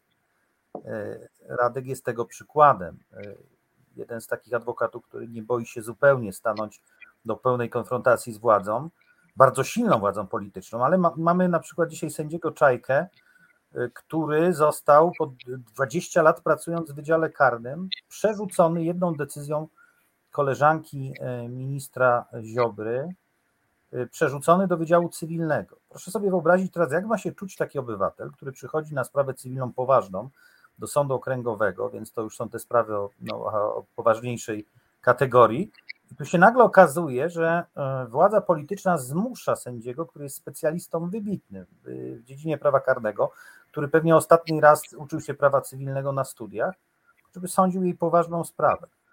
E, no to jest to, cośmy dzisiaj mówili. No wyobraźmy sobie, że okulista świetny y, z wieloletnim mm, stażem i specjalizacją przychodzi do szpitala, a ordynator mówi: Słuchaj, tam leży pacjent i wiozą serce dzisiaj będziesz kardiochirurgiem i masz mu to serce przeszczepić. To mniej więcej tak wygląda, e, bo my się specjalizujemy dzisiaj, zwłaszcza sędziowie. Adwokaci, e, szacunek są, są bardziej uniwersalni jednak, chociaż też w ramach kancelarii mają swoje specjalizacje. Więc co ja mogę doradzić obywatelowi? Ja mogę doradzić obywatelowi, żeby e, przede wszystkim się nie bał. Żeby się nie bał w sytuacji, kiedy zderzy się z państwem, i poczuje, że to państwo bardzo silnie chce przygiąć go, no widzieliśmy to, co od samego początku mówimy, czyli e, Marcin e, jednak nie zachował tej wiadomości dla siebie. On jest dzisiaj w programie, on opowiada o tym publicznie, on pisze o tym na Twitterze, dlatego że państwo, które nosi już cechy państwa autorytarnego, najbardziej boi się prawdy.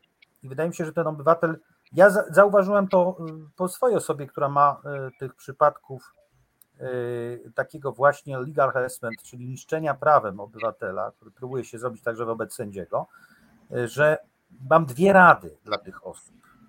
Po pierwsze, muszą się podzielić swoją, y, swoim nieszczęściem, tym właśnie łamaniem prawa z jak największym otoczeniem, czyli jeżeli da się to do mediów, do, do, do przyjaciół, nagłośnić po prostu tą sprawę, bo wtedy ta władza polityczna rzeczywiście boi się tego, tego łamania, że to wyjdzie na jaw.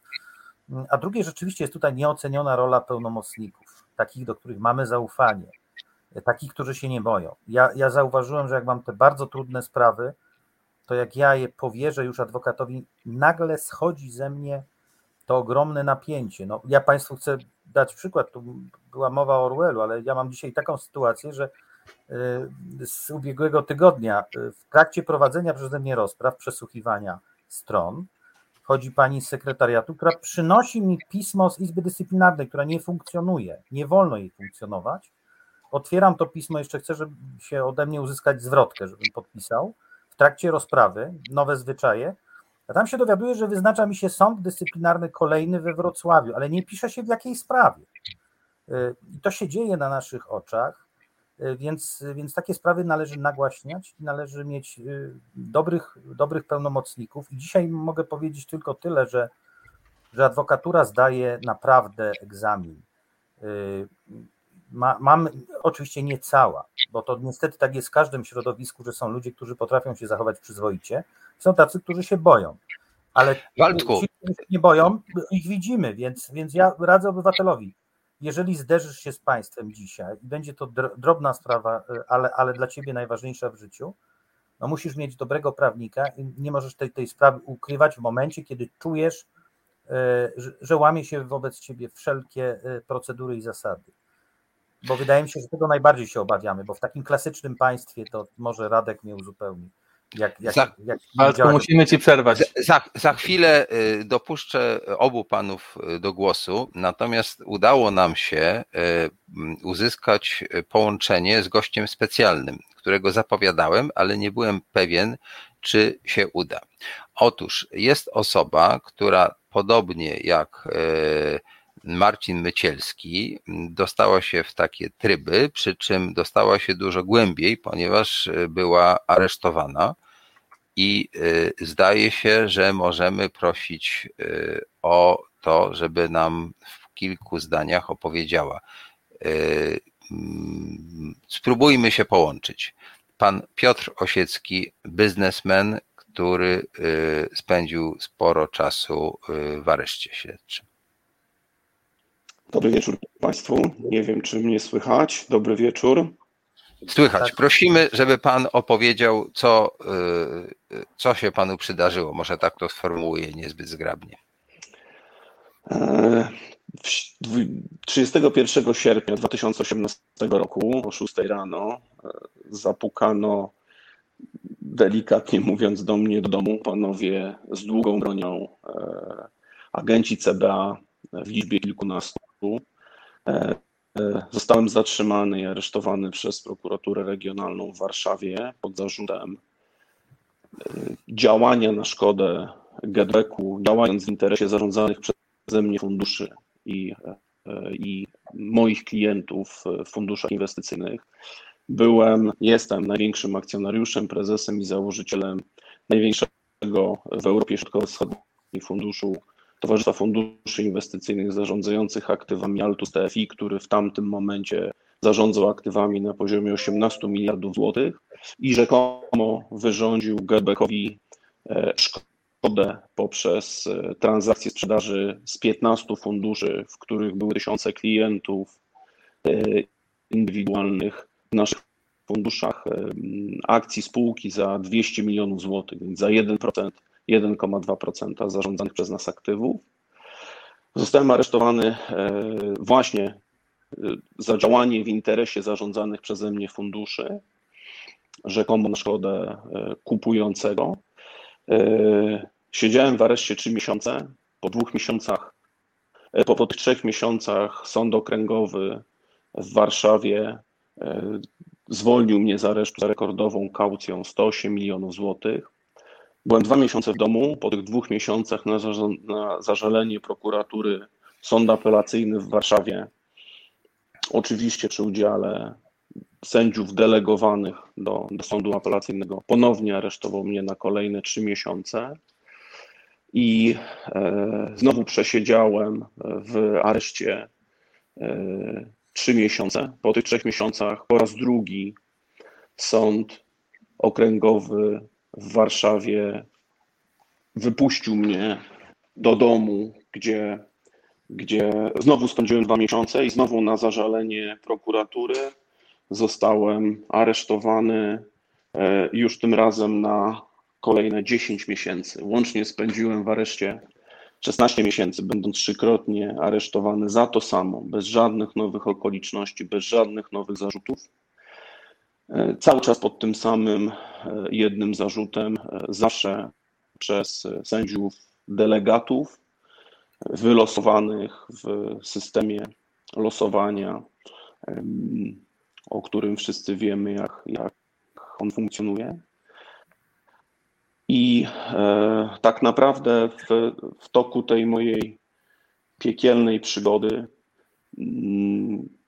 jakby skala naruszeń prawa i, e, i jakby tego, co mnie dotknęło ze strony tak zwanego wymiaru sprawiedliwości, e, rzeczywiście jest niewyobrażalna. To jest słowo, które w tym postępowaniu e, powtarza się jak najczęściej, na- najczęściej w tych naszych rozmowach moich, z, moimi adwokatami.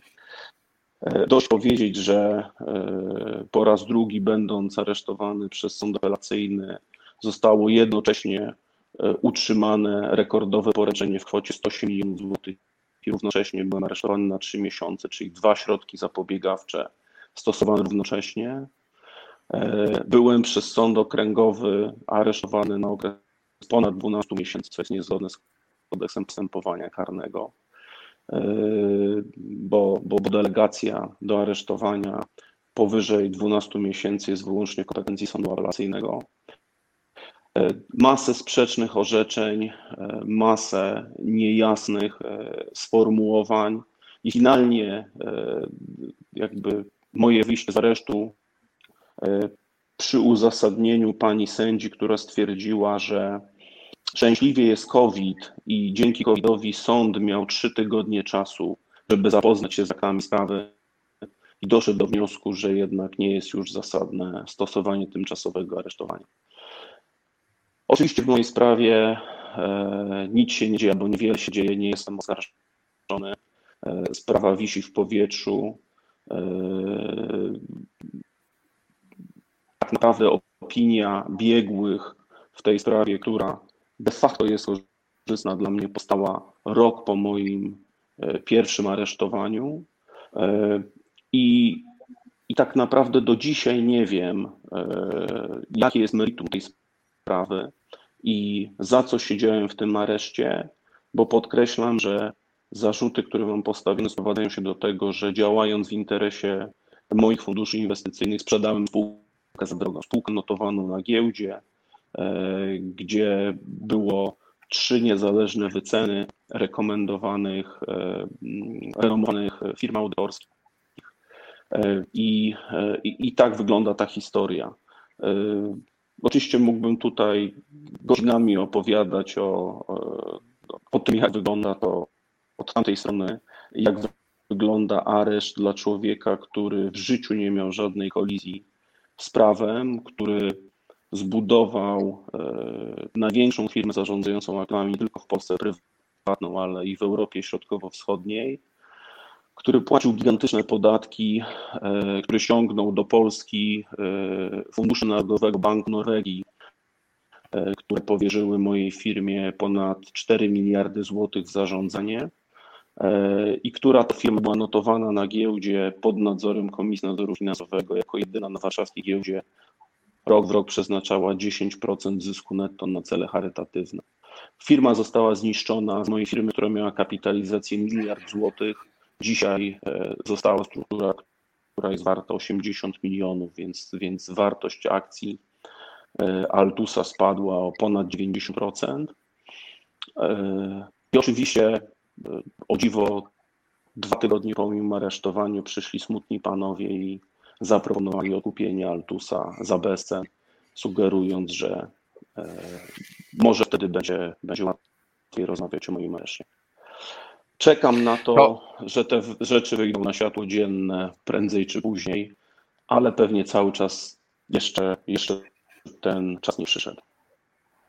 Panie Piotrze, bardzo dziękuję za tę y, informację, relację, no taką bardzo, myślę, poruszającą. I y, zostało nam dosłownie kilka minut, więc chciałbym, y, może adwokat może pan mecenas Baszuk, Radku, jak byś to skomentował? Mamy na to trzy minuty. Dzień dobry panie Piotrze. Ja o tyle znam pańską sprawę, że śledziłem ją y, w przekazie medialnym. E, I, I, proszę mi wierzyć, że to nie tylko jest moja refleksja, ale refleksja praktycznie każdego z prawników, adwokatów, z którymi na ten temat rozmawiałem. W pewnym momencie nie byliśmy w stanie zrozumieć już tej piętrowej konstrukcji aresztowej, która w Pana wypadku była stosowana. A nie chcę, żeby to zabrzmiało nieskromnie, ale Pan wykonuje ten zawód ponad ćwierć wieku e, i specjalizuje się w sprawach karnych niemal od początku. E, ja myślę, że najkrócej e, można powiedzieć tak jest oczywistością, wielokrotnie potwierdzaną także orzeczeniami Europejskiego e, Trybunału Praw Człowieka, e, to, że Polska ma systemowy problem z tymczasowymi aresztami. Że praktyka stosowania aresztów, i to też musimy sobie bardzo wyraźnie powiedzieć, przez sądy polskie, bardzo często urąga standardom, e, które w tym wypadku winny mieć zastosowanie. A ja czasami powtarzam, e, i, i, i, tym bym chciał spuentować e, ten temat, e, powtarzam na posiedzeniach aresztowych, posiedzeniach sądów dotyczących wniosków o zastosowanie bądź przedłużenie tymczasowego aresztowania następującą rzecz. Odkąd jako społeczeństwo, jako państwo wychodzące z epoki realnego socjalizmu podjęliśmy decyzję o rezygnacji z kary śmierci, wolność człowieka jest najwyższą wartością, jakie państwo w majestacie prawa może mu odebrać. Wyższej wartości nie ma. E, a łatwość, z jaką to może nastąpić, i to nie jest kwestia ostatnich pięciu lat. To jest kwestia systemowa odkąd sięgam zawodową pamięcią, zawsze występująca. Łatwość, z którą to może nastąpić, jest przerażająca. Tyle. Bardzo dziękuję. Mogę jeszcze dokładnie minutę dać albo Ewie, sekund. albo Waldkowi. Kto... Ja 30 sekund, jeśli 30 mogę. 30 sekund, dawaj. Nawet krócej. Ja mogę tylko powiedzieć, że nie znam sprawy tego pana, który właśnie dołączył do nas, ale miałem do czynienia e, z Centralnym Biurem Antykorupcyjnym w obecnej odsłonie. Jestem porażony e, ilością naruszeń, jakie były wobec mojej osoby. Ja mam je spisane i tytułem takiego optymistycznego zakończenia chcę Państwu powiedzieć, że jest artykuł 44 Konstytucji, który mówi, że przestępstwa nieścigane z przyczyn politycznych, one się nie przedawnią, gdyż wstrzymany jest y, termin biegu przedawnienia z mocy naszej konstytucji. A dzisiaj mamy szereg tych przestępstw dokonywanych przez służby, y, organy państwa i funkcjonariuszy, y, które zostaną rozliczone. Tyle tylko mogę powiedzieć. Y, bardzo dziękuję. Y, Ewo, y, czy możesz krótko, czy zapraszamy Cię jeszcze raz na następny raz? Nie, bardzo króciutko powiem, bo dokładnie to jest to wszystko, co Radek powiedział. Mamy systemowy problem ze stosowaniem aresztu w Polsce i na przestrzeni wielu, wielu lat procent uwzględnianych wniosków kierowanych przez areszt, o areszty przez prokuraturę, on pozostaje na tym samym poziomie, jeśli chodzi o ich uwzględnianie przez sądy, więc jest to problem systemowy ale to też y, postawmy sobie taką diagnozę my jako społeczeństwo. My oczywiście mylimy areszt z karą i gdzieś tam wewnętrznie w nas jest taka potrzeba szybkiego wymierzenia sprawiedliwości. I niestety o ile w sprawach gospodarczych to widzimy naocznie ten absurd, po prostu absurd stosowania środka zapobiegawczego w tego rodzaju sprawie, to postawmy sobie kwestię, co by było, gdybyśmy mieli do czynienia z y, przestępstwem budzącym takie ostre emocje społeczne, nie wiem, e, jakieś bardzo drastyczne znęcanie, czy gwałt, czy zabójstwo. Znaczy, zabójstwo może tutaj y, wejdziemy w jakieś aspekty bardzo zawiłe, ale y, niestety musimy sobie zdać sprawę, że musimy też przepracować to jako społeczeństwo. Areszt to nie jest kara, a my zawsze chcemy takiego szybkiego, natychmiastowego wymierzenia sprawiedliwości i, i dlatego ta tendencja była kiedyś, jest teraz. Mam nadzieję, że ona, ona jakoś tam mm, się zmieni, ale, ale to jest również problem nasz jako problem społeczny. Bardzo wszystkim dziękuję.